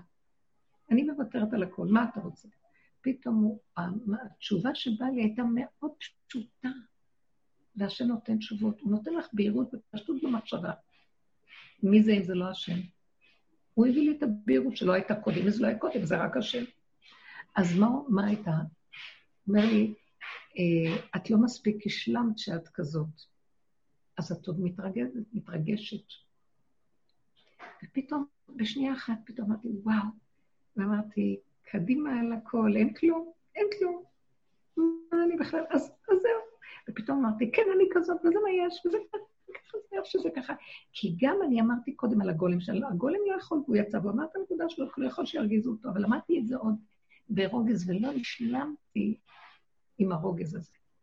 אז בסוף אמרתי, אני עוד כאילו נפלתי, וזה היה לי שבירה, ולא השלמתי עם השבירה. בסוף אמרתי, או, זאת הנקודה. אה, אפילו שנפלנו, ואפילו, זה לא נפילה אפילו, זה איזה נקודה, לא. תשלים עם זה עד הסוף, תצחקי. המהפך שמהרוגז פתאום להתהפך ולצחוק, את זה הוא רוצה מאיתנו. אין כלום, למה את לוקחת הכל? גם יש לי את הש... זה גולם, זה הגולם לא יכול. בסדר, אמרת, נכון, הגולם לא יכול, והוא אמר את מה שאמר שלא. אבל למה זה מתמשך יותר מעשר דקות? ההרגשה הפנימית. כי את לא משלימה, כאילו, את, זה יש שבירה. לא משלימים, תשלימי ואין כלום. ואין כלום. אה, אז מה, אני צריכה להגיד? לא צריך להגיד לאף אחד שום דבר, לא צריך להסביר שום דבר, רק תשלימי בתוכך ולכי. אין אף אחד, אין עולם, אין כלום. זה את, עם הדמיונות שלך. צריכה עוד להגיד לשני, להסביר לו מה היה, לא היה כלום, שום דבר, הכל בסדר. אין צורך להתוודות בפני השני אפילו. רק בינך ובעצמך, את הנקודה של תורידי את השק הזה, אין מוח, אין עולם, אין כלום, ילד קטן שמתחדש, ונגמר הכל זה שלך בורא. אתה לא מבין, נהייתה לי הערה פנימית מזה, שהלכה איתי לאורך שעות ארוכות. אני רוצה להדגיש את הנקודה, התהליך הסופי שהוא מאוד מאוד קרוב כבר לשער החמישי, ושם יש גילוי השם, תחזירו את הבחירה, תחזירו את הצער, תחזירו את הכל, ותגידו, אני לא, לא נשבר אפילו מדברים שנראים כאילו מה, אה, אני לא מדברת, אה, כל אחד בניסיונות שלו, יסוד העבירה, על הקו ועל הגבול ועל התפר, לא להישבר משום דבר. רק להחזיר לו ולהגיד לו, אני לא יכול. זהו. כמו אותו ציור של רבי מנחם מנדל מויטבסק, בפרי הארץ, הספר שציטטתי לכם מזה, שיוצאת החרב נוטפת דם. והבן אדם עומד, הוא לא יכול להתרגש. כאילו, אין לו כוח כבר להתרגש. כמה הוא יעבוד והוא עשה את הדבר הכי נורא בעולם, זה לא נורא, זה לא כלום. אני לא יכול. תעשה איתי מה שאתה רוצה. אדם כזה, יש קונה עולמו ברגע אחד. זה נקרא הנקודה הזאת. הכל מתהפך עליו, והפך כולו לבן, כולו מצורע, טהור. אומר עליו הכהן טהור. אוקיי, העניין של הרגש, אני מקווה שהתשובה כאן היא, אני מדברת, כאילו אני מתרחבת בהסברים, אבל פשוט תקשיב בתוכך, לא לעבוד על העניין של הרגש שלא להתרחב. אין לי בעיה, אין לי בעיה. כן? יש שאלה נוספת? או מישהו מגיב על זה? לא. הרבנית, הרבנית. כן, כן. אני כן. רציתי להגיד אה, רק נקודה קטנה, גם כשאתה מתבונן בתוך הצער של ה... כל אחד, סליחה, אני שומעת. גם כשאתה מתבונן בתוך הצער של, ה... של מי שאתה, בעצם כשאתה מודה ואתה אומר, טוב, זה אני, אז גם שם, יש שם צער, כאילו, ש... בכל מקרה אתה, אתה חווה צער בדרך, כי אתה, אתה, כשאתה רואה כמה אתה רשע, אז אתה אומר, כן, אני, עכשיו את אומרת, יפה, אבל בסוף צריך לצחוק מזה.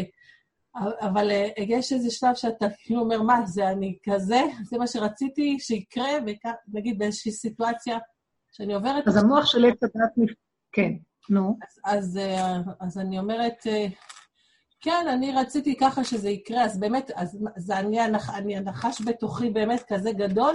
יש לך איזה מין צער שעולה, שאתה רואה את זה. והמהפך בין הצער ללצחוק הוא באמת אה, כמו אימון, אני כן, מרגישה שאתה יכולה להתאמן עליו. זה תהליך ארוך, עשינו כאן דילוגים מאוד גדולים, אבל היום אנחנו בכוח. כבר הראש מבצבץ. אז מה שאני אומרת הוא כזה, אם האדם עוד אומר, מה, אני כזה? אה, הוא נותן לתודעה של עץ הדעת להתחיל להצטדק ולהסביר למה הוא לא, והוא רק קצת, אולי 50 אחוז, אבל לא 100 אחוז ולא כלום. תשללו, תשללו. אני הסברתי לכם באחד השיעורים שאנחנו בערך אה, אה, כמו אה, הנגטיב של התמונה, והשם הוא הפוזיטיב. כמו שהנגטיב בפילם של התמונה, זה אמר לי את זה פעם לפני אחד מהאנשים אה, שאני מעריכה, שהוא אמר, אה, התמונה, אם אנחנו רוצים להבין מה זה בורא עולם, אז התמונה של הפוזיטיב התמונה איך שהיא יוצאת יפה, תולים אותה על הקיר, תמונה משפחתית, זה הפוזיטיב. קחי את הפילם הנגטיב שלה, איך זה נראה. מזעזע. זאת אומרת, שלילי. נגע, נגטיב, שלילי. אז בואי תלכי עם השלילה הזאת. את יכולה לסבול אותה? את השלילה ובורא עולם החיובי. מוכנה לשלול את עצמך? רוצה בורא עולם? אז תגידי שאת שלילית, אחרת לא יהיה חיוביות. תגידי שאת הפילם. כן, את רואה את עצמך בתמונה שם, תגידי, כן, זה אני. אם נלך עד הסוף להסתכל בפילם המזעזע הזה, שנראים כמו שדים פעם, נגיד, כן, זה אנחנו. זה תודעת עץ הדת. אם הבן אדם יהיה לו חוזק הלב להתבונן ולומר את האמת הזאת, כי זו האמת לאמיתה, וזה בעצם המצב של יום הכיפורים. תבינו שנתנו לנו במעגל השנה יום אחד כזה, שמביא אותנו לראות את עצמנו בחור בסדקים. אבל כדרכנו בתודעת עץ הדת, היא גם כן מייפייפת את זה, ויש לנו מחזורים חדשים, ובגדים לבנים, ואנחנו עומדים כמו מלאכים, ואומרים על חטא ועל חטא ועל חטא. לא הפנמנו מה מדובר כאן ביום הכיפורים. זה מזעזע, זה נורא ואיום, להכניס את. זה בדעת, כי אנחנו בתודעת עץ הדת, יש לנו יום כזה בשנה. אנחנו צריכים לחיות בדרך הזאת כל יום ככה. באמת, באמת, באמת, מבשרי, איך זה אלוקה. מבשרי אחזה את הפגם שלי, ורק מאחורי זה יתגלה השם. איך אנחנו כולם יוצאים אחרי יום כיפור מהנעילה? וואו וואו. אז אבל אנחנו כל היום רק מתוודים, חמש תפילות שרק וידויים על וידויים על וידויים. כי אנחנו מוכנים להודות. כאן אנחנו עושים את זה במוח, בשכל, זה רוב האנשים ישנים, נשים אין להם כוח, ישנות. תעמדו מול זה יום-יום, רגע-רגע, בכל המצבים וההתנסויות. זה, זה כיפור למעשה. זה מה שרב אושר התכוון. את יש לך במוח יום כיפור, אבל את רוצה להיכנס רגע-רגע למעלה של יום כיפור? לכן אמר לי, כן, יש לך עבודה, אבל זה לא האמת. האמת היא לרדת לבשר בזמן ההתנסות, זאת האמת. להיכנס למהלך כזה הוא לא פשוט. אי אפשר ללדת, אי אפשר להיכנס לתהליך גילוי שער החמישים בלי הזה. זה מה שגם משה רבנו ב... אה, יש, אה, יש את ה... אה, תהילים. שמחנו כי מותי ניתנו שנות ראינו רעה, יראה אליו דרך פועלך וברך על בניהם וינועם השם אלוקינו עלינו. המזמור הזה של צדיק, תפילה למשה איש האלוקים. צדיק א' זה יושב בסתר עליון. אז משה רבינו אומר, שמחנו כי אמות עיניתנו. משה רבנו היו לו עינויים, הוא לא הגיע למדרגתו ככה. תהליכים על תהליכים על תהליכים. איך הוא הגיע? פה אל פה ידבר עם השם, תמונת השם יביט. כי הוא ראה את כל השלילה שלו, את כל הנגטיב שלו, וראה את התמונה של עצמו, וידע את כל הפגמים של עצמו, והודה בהם עד הסוף, ולא ברח מהם, והתייסר. זה ייסורים. הוא היה אדם חכם, ואדם מיוחס, ואדם עם מדרגות, וראה את הכול. ובסוף מזה באה לו הענווה הכי הכי הכי גדולה שיש. מי אני בכלל שאני אוכל ללכת אה, אה, לגאול את עם ישראל? והשם רצה דווקא את זה, שדעתו הכי שפלה עליו, ושאומר שאני בכלל יודע מי אני, אז את מי אתה שולח? שלח נא את אהרון אחי, שלח נא ביד תשלח. מה אתה, מי אני בכלל שאני אלך? והוא התכוון לכל מילה, כי הוא ראה את מציאותו, למרות שהוא היה בעל מדרגות עצומות, ובעל דעת ובעל הכל, כל מה שזה נשמה קדושה. בכל אופן, במציאות שלו הוא ראה את המידות הקשות שלו, והוא הודה באמת. אז זה היה איסורים, שמחנו כי אימותי ניתנו, שנות ראינו רעה. שראינו את מה שאנחנו באמת. בסוף השם מתגלה מאחורי כל זה. ואז הוא אמר לו, משה רבנו אמר לו, אני לא הולך לשום שליחות אם אתה לא איתי, כי אני יודע מי אני. ברגע אחד אני כועס ואני שורף את העולם. אז ילך נא השם בקרבנו. וזה שהשם מחפש למה היו דרכו נעשו גילויים נוראים. הוא דרך, הוריד את האור הגדול, הוא עשה קריאת ים סוף, אה, הוריד להם את המן, הגיז להם את הסלב. מה לא עשה להם ישועות במדבר? הוריד את התורה, מה אתם חושבים? פשוט כי זה נקודה אלוקית, כי הוא, הוא הלך במקום של הכלום, של המציאות שלו. אז זו דוגמה בשבילנו, אנחנו בקטנה שלנו נעשה את מה שנעשה. אז ברגע שאת מצטערת, זאת ששאלה עכשיו, ואומרת, אה, מה, אבל אני כזאת גבוהה? תדלגי על הוויכוח במוח, תזהרי לא להיכנס בשקט וטריה, שהוא יגיד לך בסוף, לא, נכון, אנחנו קצת גרועים, אבל לא ככה. אצלנו הולכים עד הסוף, עד הסוף, כי אתם לא יכולים לגלות אלוקות בלי עד הסוף. זה הכי קשה בעולם. אבל עד הסוף, אני לא רוצה איסורים. אז למדנו להגיד, לא רוצה איסורים, לא כלום, אני כבר אומר לך מראש. מכל הניסיונות שאמרתי, אם תשים אותי עוד פעם בנקודה הזאת, מיליון פעם אני אפול. כי אני לא יכול. אז אל תנסה אותי. זהו. כי אנחנו לא באים אליו, בחנני ונשאני, אני יכול. אנחנו באים אליו ממקום שלא יכול. תביא את הגאולה. אנשים יגידו את זה, כי אנשים עברו את הסבל הכי גדול. וזו עבודה שיורדת עד, עד הסוף, זאת עבודת הנוקבה. גברים יגידו, מה אנחנו לא יכולים, מה, אני לא יכול? לגברים מאוד קשה להגיד, אני לא יכול, זה השקר. מה זאת אומרת אתה לא יכול? מי אתה שתגיד שאתה יכול? בתפקידים נתנו לך מקום של אני יכול, אני חיובי, אני לומד תורה, אני צדיק. אבל באמת, באמת, גנבת את זה. תגיד, זה התפקיד שלי, אבל באמת באמת נשארתי אותו דבר כמו קודם, כמו אחרי. את זה השם אוהב, זה משה רבנו. יש לו תפקיד, אבל באמת באמת במציאות שלו, אם יבואו לאכול, הוא לא שונה משום דבר אחר. הוא כל הזמן פחד, רב אושר היה אומר. משה רבנו היה נביא לעם ישראל. בלעם, להבדיל אלפי הבדלות, היה נביא באומות העולם. משה רבנו כל הזמן פחד שהוא יהיה בלעם. ובלעם הרשע חשב שהוא כבר מוישה רבנו. לכן מוישה נשאר מוישה רבנו, ובלעם הרשע בסוף מת ונשאר רשע. הרגו אותו בחרי. כי הוא כבר חשב, הוא כבר יושב טוב. ואילו מוישה רבנו חי כל הזמן את הסכנה שלו וידע, כל עוד אני על האדמות פה, המצב שלי מאוד מסוכן. אני יכול לעשות שטויות. אם השם לא יעזור לי, אין, תודעת עץ הדעת, זה, זה מעוות לא יוכל לתקון, כמו שאומר קהלת, תחת השמש והתודעה הזאת, זה משגע את הבני אדם, היא שולטת בבני אדם, היא משעבדת אותנו. היא, אנחנו מלאים בבהלות וחרדות, מאוימים עד כדי מוות, שיקחו מאיתנו את הדמיונות שלנו שאנחנו משהו. וחושבים שזה האני שלי. כי אם זה לא אני וזה השם נותן לי, רגע אחד הוא נותן, רגע אחד הוא לוקח, יש מה שמבורך מעתה ועולם. בואו נתחדש לרגע הבא. איך אני שבור, אתמול הייתה לי מדרגה, היום אין לי. אין דבר שיש לי שנעלם לי מחר. כי אם לאדם יש קניין, לא ייקחו את זה ממנו. אין לו. אין לאף אחד פה קניין, אין לנו בעלות על כלום. אז למה אנחנו נשברים? מה השיוורון הזה? זה האגו, זה תודעת עץ הדת, להתבק כאלוקים, ואת זה אנחנו רוצים לפרק. נשים כל הדורות סבלו מאוד מאוד, וגם אנחנו לקראת הסוף, השטן בא ונתן לנו כביכול מעמדות, ואנחנו חזקות, אנחנו משתלטות היום על הגברים, בושה שאנחנו נראות. אה, אנחנו לא צריכים להשתלט על אף אחד כי השתלטו עלינו, בואו נתנקם. כל הדורות השתלטו עלינו. אנחנו צריכים לחפש את נקודת האמת ולהגיד, ריבונו של עולם, זה עבודת השכינה, לגלות את השכינה. תגאל אותנו, אנחנו לא יכולים כלום.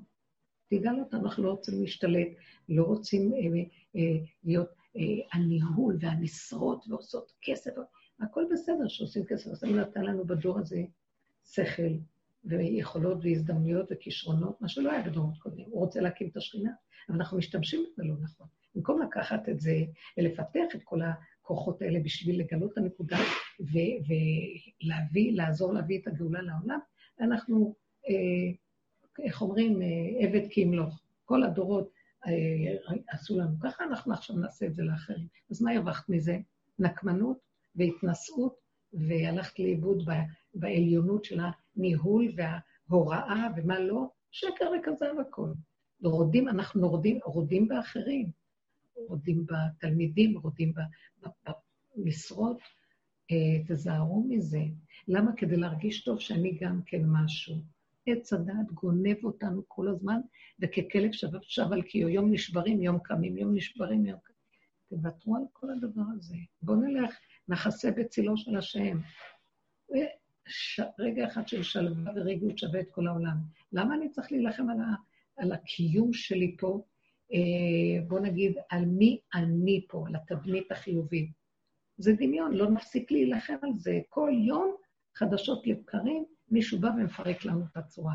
ולא שמנו לב אפילו. רגע אחד מרגיזים אותנו בזה, רגע אחד בזה, רגע אחד. נמאס לי מהרוגז הזה, ואני לא רוצה להצטדק למה התרגזתי. אני מתרגזת, נקודה, זאת האמת, לא רוצה להתרגז. אז אם כן, אני צריכה לשים לב, המערכת פה לא תיגמר עלינו, תהרוג אותנו. לא רוצה אותה. לא אמות כי יחיה, אומר דוד המלך. בואו נלך אחורה ונגיד, אני לא, אני לא רוצה להיות יכולה במערכת הזאת, כי כל יכול שלי פה, מחר אני מפרנסת ביכול שלי ובהתנשאות והתרוממות של כאילו הישות החיובית והתדמית והיזמות והכוח, בזה שאני הולך ככה, אני מפרנס את השטן הזה של עץ הדת, וממני הוא חי ומקבל כוח. מחר הוא יפיל אותי, כי זה תמיד יום למעלה, יום למטה. עת כזאת ועת כזאת, ועת כזאת ועת כזאת. כל העיתים שבקהלת. כי זה הכדור פה, יום אחד ככה, יום אחד ככה. אז תמיד זה ידוע, אם את תעשי ככה, מחר יבוא משהו אחר. אז למה לך ללכת על היום? העיקר תנו לי יום אחד לגובה, מה יהיה מחר? לא יודע. אני יודעת שרגע הולך ככה, אני יודעת שכבר מחר או-או, לא, לא מדושך ולא מוקצך, לא רוצה את התודעה הזאת. היא תודעה מלאה חרדות, פחדים, מחלות, צער, רוגז ומחובים. מה שלא נעשה, אפילו אם לרגע נראה לך יופי, אך רגע תדעי, מהיופי הזה של היום, מחר יהיה לך צער. מה אתם חושבים? זו תודעה קשה מאוד, טיפשה, כסילה, אנחנו עייפים, ויש פתח להימלט, אז טיפש מי שנשאר, פותחים לו פתח, נותנים לו אור של תודעה, מה, מה ההבדל בין אלה לאלה? גם אלה אוכלים, גם אלה שותים, רק אלה סובלים ומכסים, ואלה מודים, אה, לא רוצה, אני רוצה לאכול בשקט, לך אכול את לחמך, בש... כי רצה אלוקים את מעשיך. פשוט, לא רוצה להתחרות, לא רוצה להשיג מדרגות, לא רוצה... אני קרבת אלוקים לי טוב, אומר דוד המלך. נמאס כל זה. איזה חיים פה. אנחנו רוצים את חיי הנישואים, רוצים ילדים, אנחנו לא רוצים איך שזה נראה בתודעה הזאת. אחד הורג את השני. מה זה הורג במרכאות? זאת אומרת, התודעה היא כל הזמן מתח של ישות, מי יותר מי תחרותיות, קנאת איש מרעהו. מה לא? זה כל אחד מנפנף. אתה לא עשית נכון, אתה צריך, כל אחד רואה את השני ולא את עצמו. אי אפשר לחיות ככה, המתח זה גומר על אנשים. אז ככה השם רצה שיהיה חיי נישואים וחיי משפחה. התודעה גורמת. השם נתן מצווה להינשא ויש זוגיות. זוגיות היא דבר טוב בעולם, הכל כאן זוגי. אבל זוגיות של בן אדם, קודם כל צריך להיות מחובר טוב עם הנקודה של עצמו, ולהתחבר ולהתאחד עם הזוגיות של בינו לבינו. אנרגיית החיים שלו, זו הזוגיות הכי גדולה שיש. ממנה הוא יונה כוח ויכול להתחבר גם לשני. מדלג על עצמו, אה, חי עם המוח של תודעת עץ הדת, מרחף הרגליים בראש, והוא כמו איזה בלון עף, וכל היום מאוים שהשני לא מכבד אותו, לא נותן לו, לא עושה לו, מה חושבים עליו, לא חושבים, כן נתנו לי אהבה, לא נתנו לי אהבה. אה, ואז אני צריך קצת להתחנף כדי שייתנו לי קצת אהבה, אני צריך להתקרבן כדי שיזרקו לי איזה משהו. כל החיים אנחנו נראים כמו, מה זה עבדים של איזו תודעה מדומיינת, משוגעת, שהשם יחתוך אותה וימחה אותה מן העולם. עכשיו, מי זה השם שימחה אותה? השם יתברך נתן לך את התפקיד למחות. ככה המשחק פה. ככה העלילת דברים. אז תעשי את שלך, עד שתגיעי למקום שתגידי, אני עשיתי, מחיתי, מחיתי, ובסוף הוא הרים עליי עוד ראש. אבא, רק אתה עכשיו תמחה. שער החמישים. עכשיו הוא יגיע והוא ימחה. אבל צריכים לעבור את המהלך הזה. האמת שעם ישראל מאוד תשוש, בכל הדורות עבדנו כל כך, ואין לנו כבר כוח. באה התרבות של הנחש לקראת הסוף, מה היא עושה לנו? מייפייפת את הכל, הרימה אותנו עוד יותר למעלה. כולם משהו בעולם, כולם יכולים, תמצי את עצמך, תעשי יזמות, אה, עצמיות, תודעה מפותחת, אני ואני ואני ואני, איזה מתח וחרדה יש מעלה. את יושבת ואת אומרת, מה עשית עם עצמך היום? היא הלכה ולמדה, היא עושה ככה, מה את עושה עם עצמך? מה את עושה עם עצמך? היום פגשתי מישהי, מותק של אישה. הייתי צריכה להיות באיזה מקום ופגשתי אותה. ואז אה, אני אומרת לה, מה איתך? אז היא אומרת לי, הייתי קודם כל שבועיים, אה, חודשיים בדיכאון, אחר כך קמתי ואמרתי, תעשי משהו עם עצמך. ואז הלכתי לקחת איזה קורס. ואז אמרתי לה, למה היית בדיכאון? אה, כי המחשבות, אני לא עושה כלום, מה החיים שלי, בשביל מה אני זה. עכשיו, הסתכלתי עליה ואמרתי, תקשיבי, את שבויה? לא רוצה להגיד שמות. יש לה איזה שמונה ילדים. היא מלאה בעבודה בלי סוף עם אנשים כבר גדולים שחלק התחתנו. היא אה, מנהלת איזה משהו שאני לא רוצה להגיד כאן, אני לא רוצה להגיד פרטים. אה, היא חוץ מזה אה, מורת דרך במשהו שהיא לוקחת אנשים קבוצות מה לא. היא אומרת לי, שמה אני אעשה עם החיים שלי? ישבה איזה קצת זמן בבית, לא עשינו כלום, ואז המחשבות השתלטו עליה, מה את עושה עם החיים שלך? אמרתי לה, נתת לשד הזה להשתולל עלייך? תגידי, את שבויה? ולמה שלא תנשמי ותגידי, אני יושבת ואני נהנית מהכיסא שאני יושבת, אני לא צריכה לעשות שום דבר חוץ מלשבת על הכיסא. ולמה את דורשת מעצמך יותר מדי? כי את רוצה להיות כמו אלוקים, אה? ואת עושה כל כך הרבה. נכון, הבן אדם כן צריך לעשות, גם בלי לחשוב אם אלוקים או לא. להיות עסוק, ליהנות ממה שהוא עושה, התנועה משמחת, העיסוק משמח, הוא טוב לבריות, נעים לו הכול. אבל עוד לטחון את עצמו ולהשתגע? ואז ישבתי ושוחחתי איתה. אמרתי, למה לא, למה לא באת לפני שנרשמתי לקורס? למה לא עזרת לי בתקופה של הדיכאון? אמרתי לה, תראי, יש את הדרך, תיכנסי ותעבדי. והנקודה שלנו היא להבין ולהגיד מה אנחנו מחפשים מעצמנו. מה האדם רוצה מעצמו? מה יתונן אדם חי, אומרים חז"ל? די לו שהוא חי. מה אתם רוצים? זה השיגעון של התודעה. השם עכשיו מפרק אותה. כל הגדלות הזאת הולכת ליפול, הכל רק נראה כאילו. מי שכל כך יפה אמרה לי, היא מורה, אה, משהו בחינוך מיוחד, והיא צריכה הייתה לעשות, חוזרת לעבודה, והיא שמחה שהיא חוזרת, היא אוהבת לעשות, והיא נהנית מהילדים ועובדת איתם. ואז אה, המנהל אמר להם, חבר'ה, אתם לא רואים שהכל כאילו? אז תעשו, במקום לעשות כך וכך, בואו נעשה תמונות, ואחר כך נשלח אותם במילא. לא צריך באמת לעשות את כל זה, כי הכל כאילו. אז היא uh, הסתכלה עליו ואמרה לו, לא, אבל אני נהנית לעשות מה שאתה, לא, אני לא רוצה רק לשלוח תמונות, אני באמת רוצה לעשות כך וכך. אז אמרתי לה, תקשיבי, את שומעת? כל העולם לוקח ברצינות את התוכנית הזאת, וחושב שזה רציני, וכאן זה רק תוכנית הכאילו, וייתם כאלוקים, הכל כאן דמיון. מה שקרה לנו בזמן האחרון, כולם חזרו לעוד דמיון, חזרו לחינוך, חזרו לכל מיני מקומות. הפער הזה של התקופה שלא היינו, הרבה אנשים מסתכלים לעולם ואומרים, וואי, זה לא בדיוק שאני רוצה ככה לחזור. זה לא בדיוק מה שאני חושבת, זה כאילו כזה, מה, אני צריך לעשות את זה? מתחילים לגלות את השקר של המערכת. אז הוא מגלה את זה, אמרתי לה, איפה שאנחנו שנים עבדנו בכאילו, הכל כאילו, להוריד את זה, הוא הגיע עכשיו, העולם מגיע לכאילו, ומתחיל לראות שהכל כאן כאילו. ולאיפה אנחנו נלך? אז אמרתי לה, מאוד יפה, את אומרת, לא, אני כבר לא, אני יודעת שהכל כאילו, אבל אני כבר ירדתי למקום שאני בכאילו, לא הולך על הכאילו, אבל אני כן רוצה לעשות משהו בעולם. אני כן רוצה לעשות בפרויקט של העבודה שלי שניים, שלושה דברים, ובאמת באמת לעשות, אני לא רוצה רק לצלם כאילו עשיתי ולא לעשות, אני נהנית מזה. אה, עכשיו העולם מתחיל להגיע לכאילו ולצחוק על כל המערכות הגדולות, ולהגיד מה כל זה, אחד גונב את השני ולהראות שהוא יותר טוב מהשני, ואז להראות שהוא יותר טוב, אז הוא עושה בשביל לרצות את השני, או שיחשבו שהוא משהו, הכל שטויות, לא חבל על הכוחות. בואו נעשה ככה ונגיד, וי, עשינו. אז היא אמרה לו, לא, אבל אני באמת, כמו ילדה קטנה, היא נהייתה כי בעבודה והיא בדרך. לא, אבל אני באמת רוצה לעשות, כן, מאוד נעים לי לעשות. בוא נהיה בעולם, נעשה דברים בגבול ובמידה, הגולם הקטן, הוא נהנה מה שהוא עושה, ולא בשביל להרשים, ולא בשביל שיעשו וי, ולא בשביל לגדול ולתדמית החיובית, פשוט להיות עסוק ושיהיה לנו כיף. אנחנו עכשיו מגיעים למקום הזה.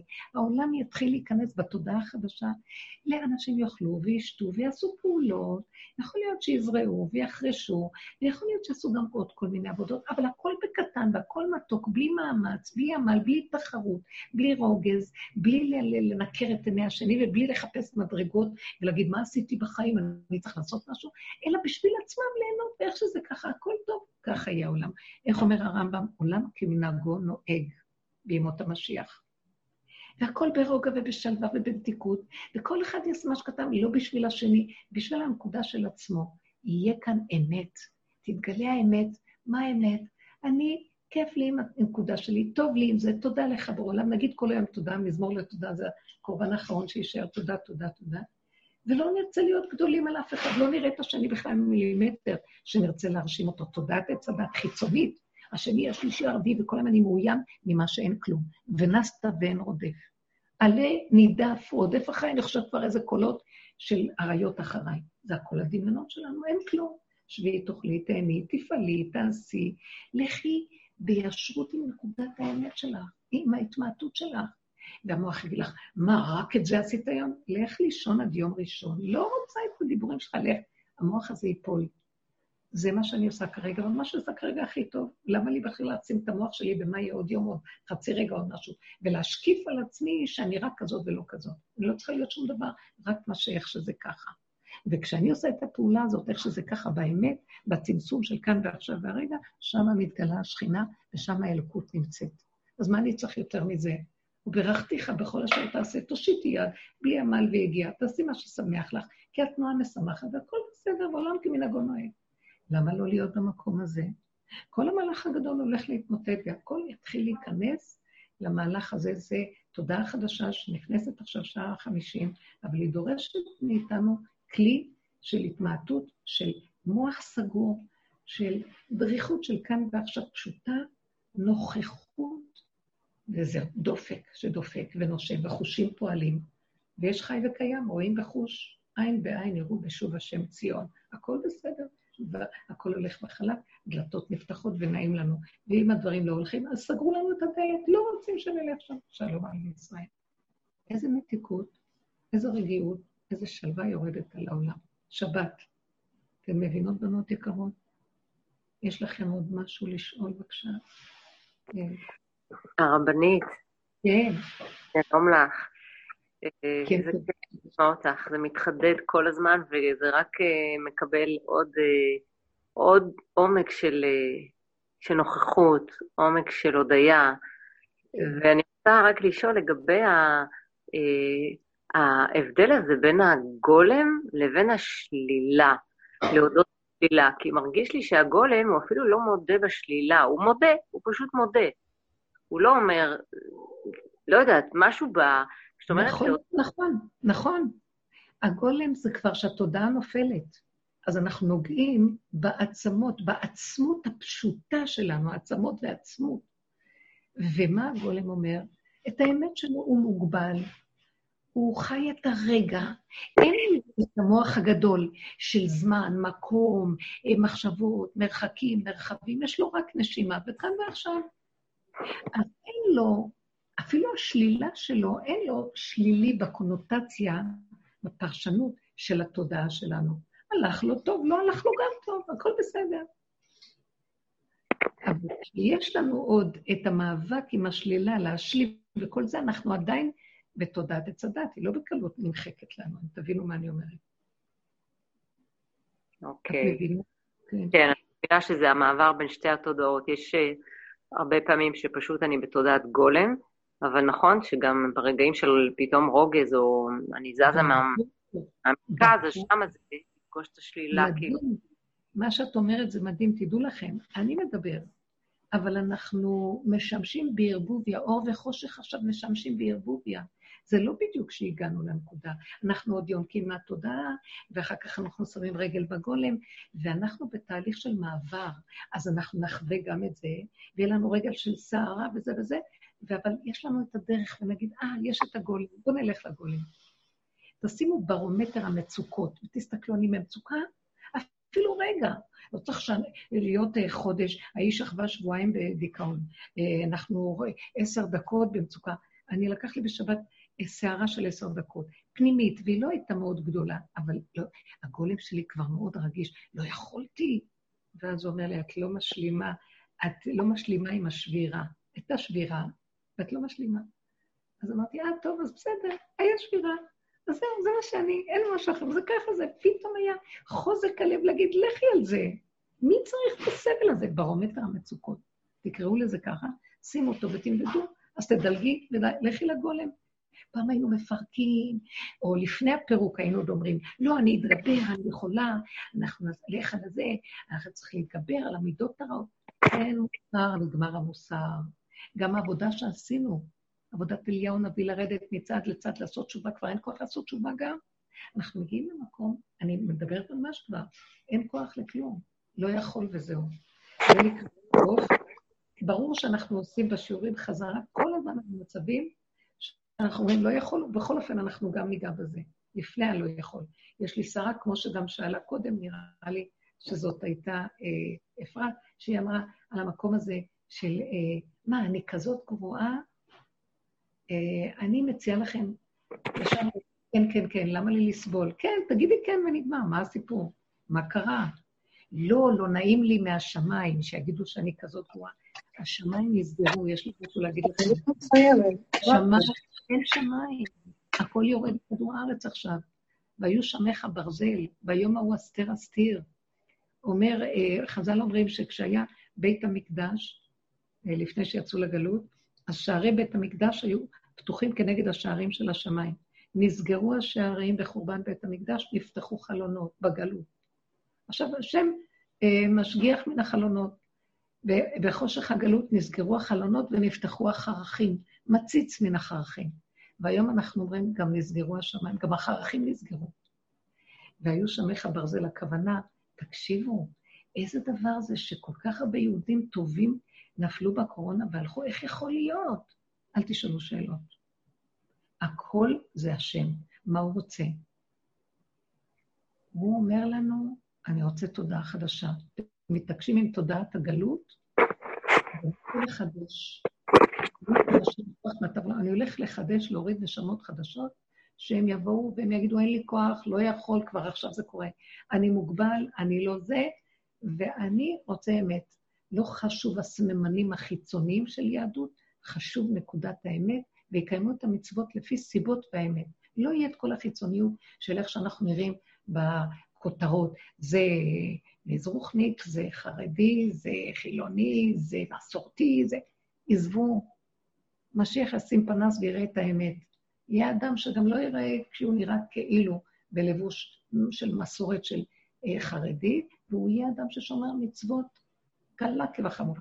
וברמה של יראת אמת, ולא ניכר עליו, אנחנו נראה דברים חדשים. אז בואו נעזוב את התודעה הזאת שאנחנו קוראים לה שמיים, שזה תודעת עץ הדת החיובית, ובואו נרד ונגיד, לא בשמיים היא, אנחנו עכשיו יורדים לנקודת האמת. ולהיות באמת אמיתי בינך לבינך לבין בורך. ההכרה הפנימית שלך בינך לבין עצמך, ששם נמצא הכוח הזה שמתבונן, ואליו את צריכה לתת את הדין וחשבון, ולא בדמיונות של הלמעלה, זה התודעה החדשה. המעבר שלנו נקרא הדרך, המעבר שאנחנו עושים כדי להגיע 149 למקום הזה של הלא יכול של הגולם, זה נקרא הדרך.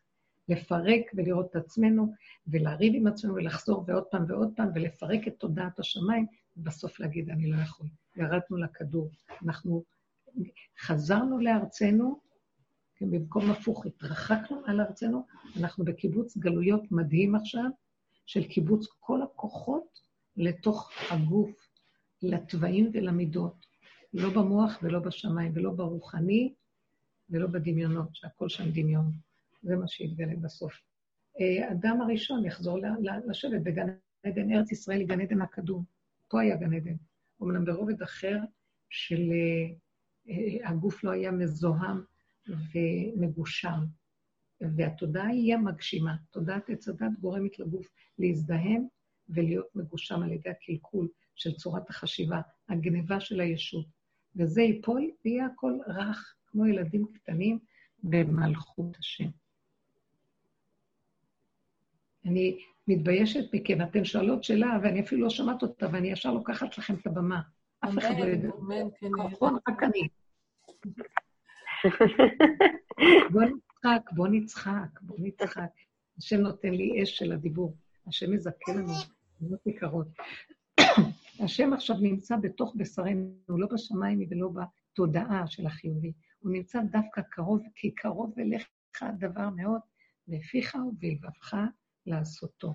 ואני מברכת את כולכם, ממש שנזכה כולנו לא להתבלבל מהמציאות ולא להישבר. זה המסר של היום, בשום דבר.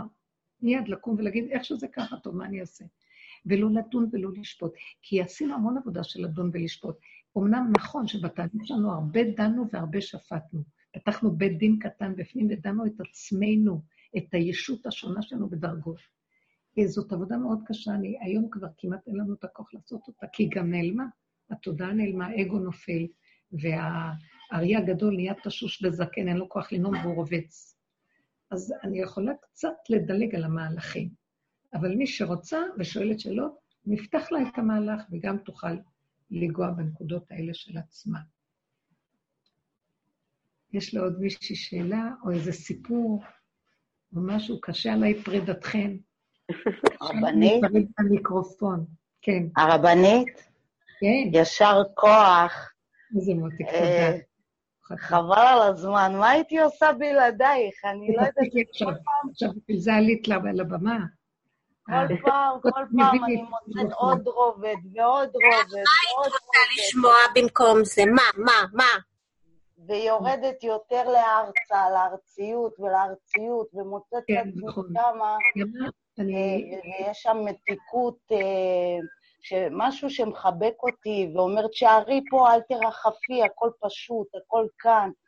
את מחיה מתים, את מחיה מתים. ממש. לכם. לא, אנחנו כבר מתנו, ועכשיו זה תחיית המתים באמת. אני אחר כך נדבר על זה פעם, מה שהוא כותב בלשם, איפה התהליך של המיטה ותחיית המיטה, וכל זה אנחנו במצבים מאוד מאוד קרובים עכשיו, באמת באמת, שנדע בנות יקרות ונחזור על העיקרון הזה, וזה יהיה הסוף כרגע. אנחנו אומרים שלקראת הסוף הגוף יהיה במדרגה הכי גבוהה. עליון אבי עליי עם הגוף לשמיים, כי הוא גמר את התפקיד עם הגוף. הגוף שמה זה מרכבה של השם. אנחנו צריכים לעלות עם הגוף לשמיים.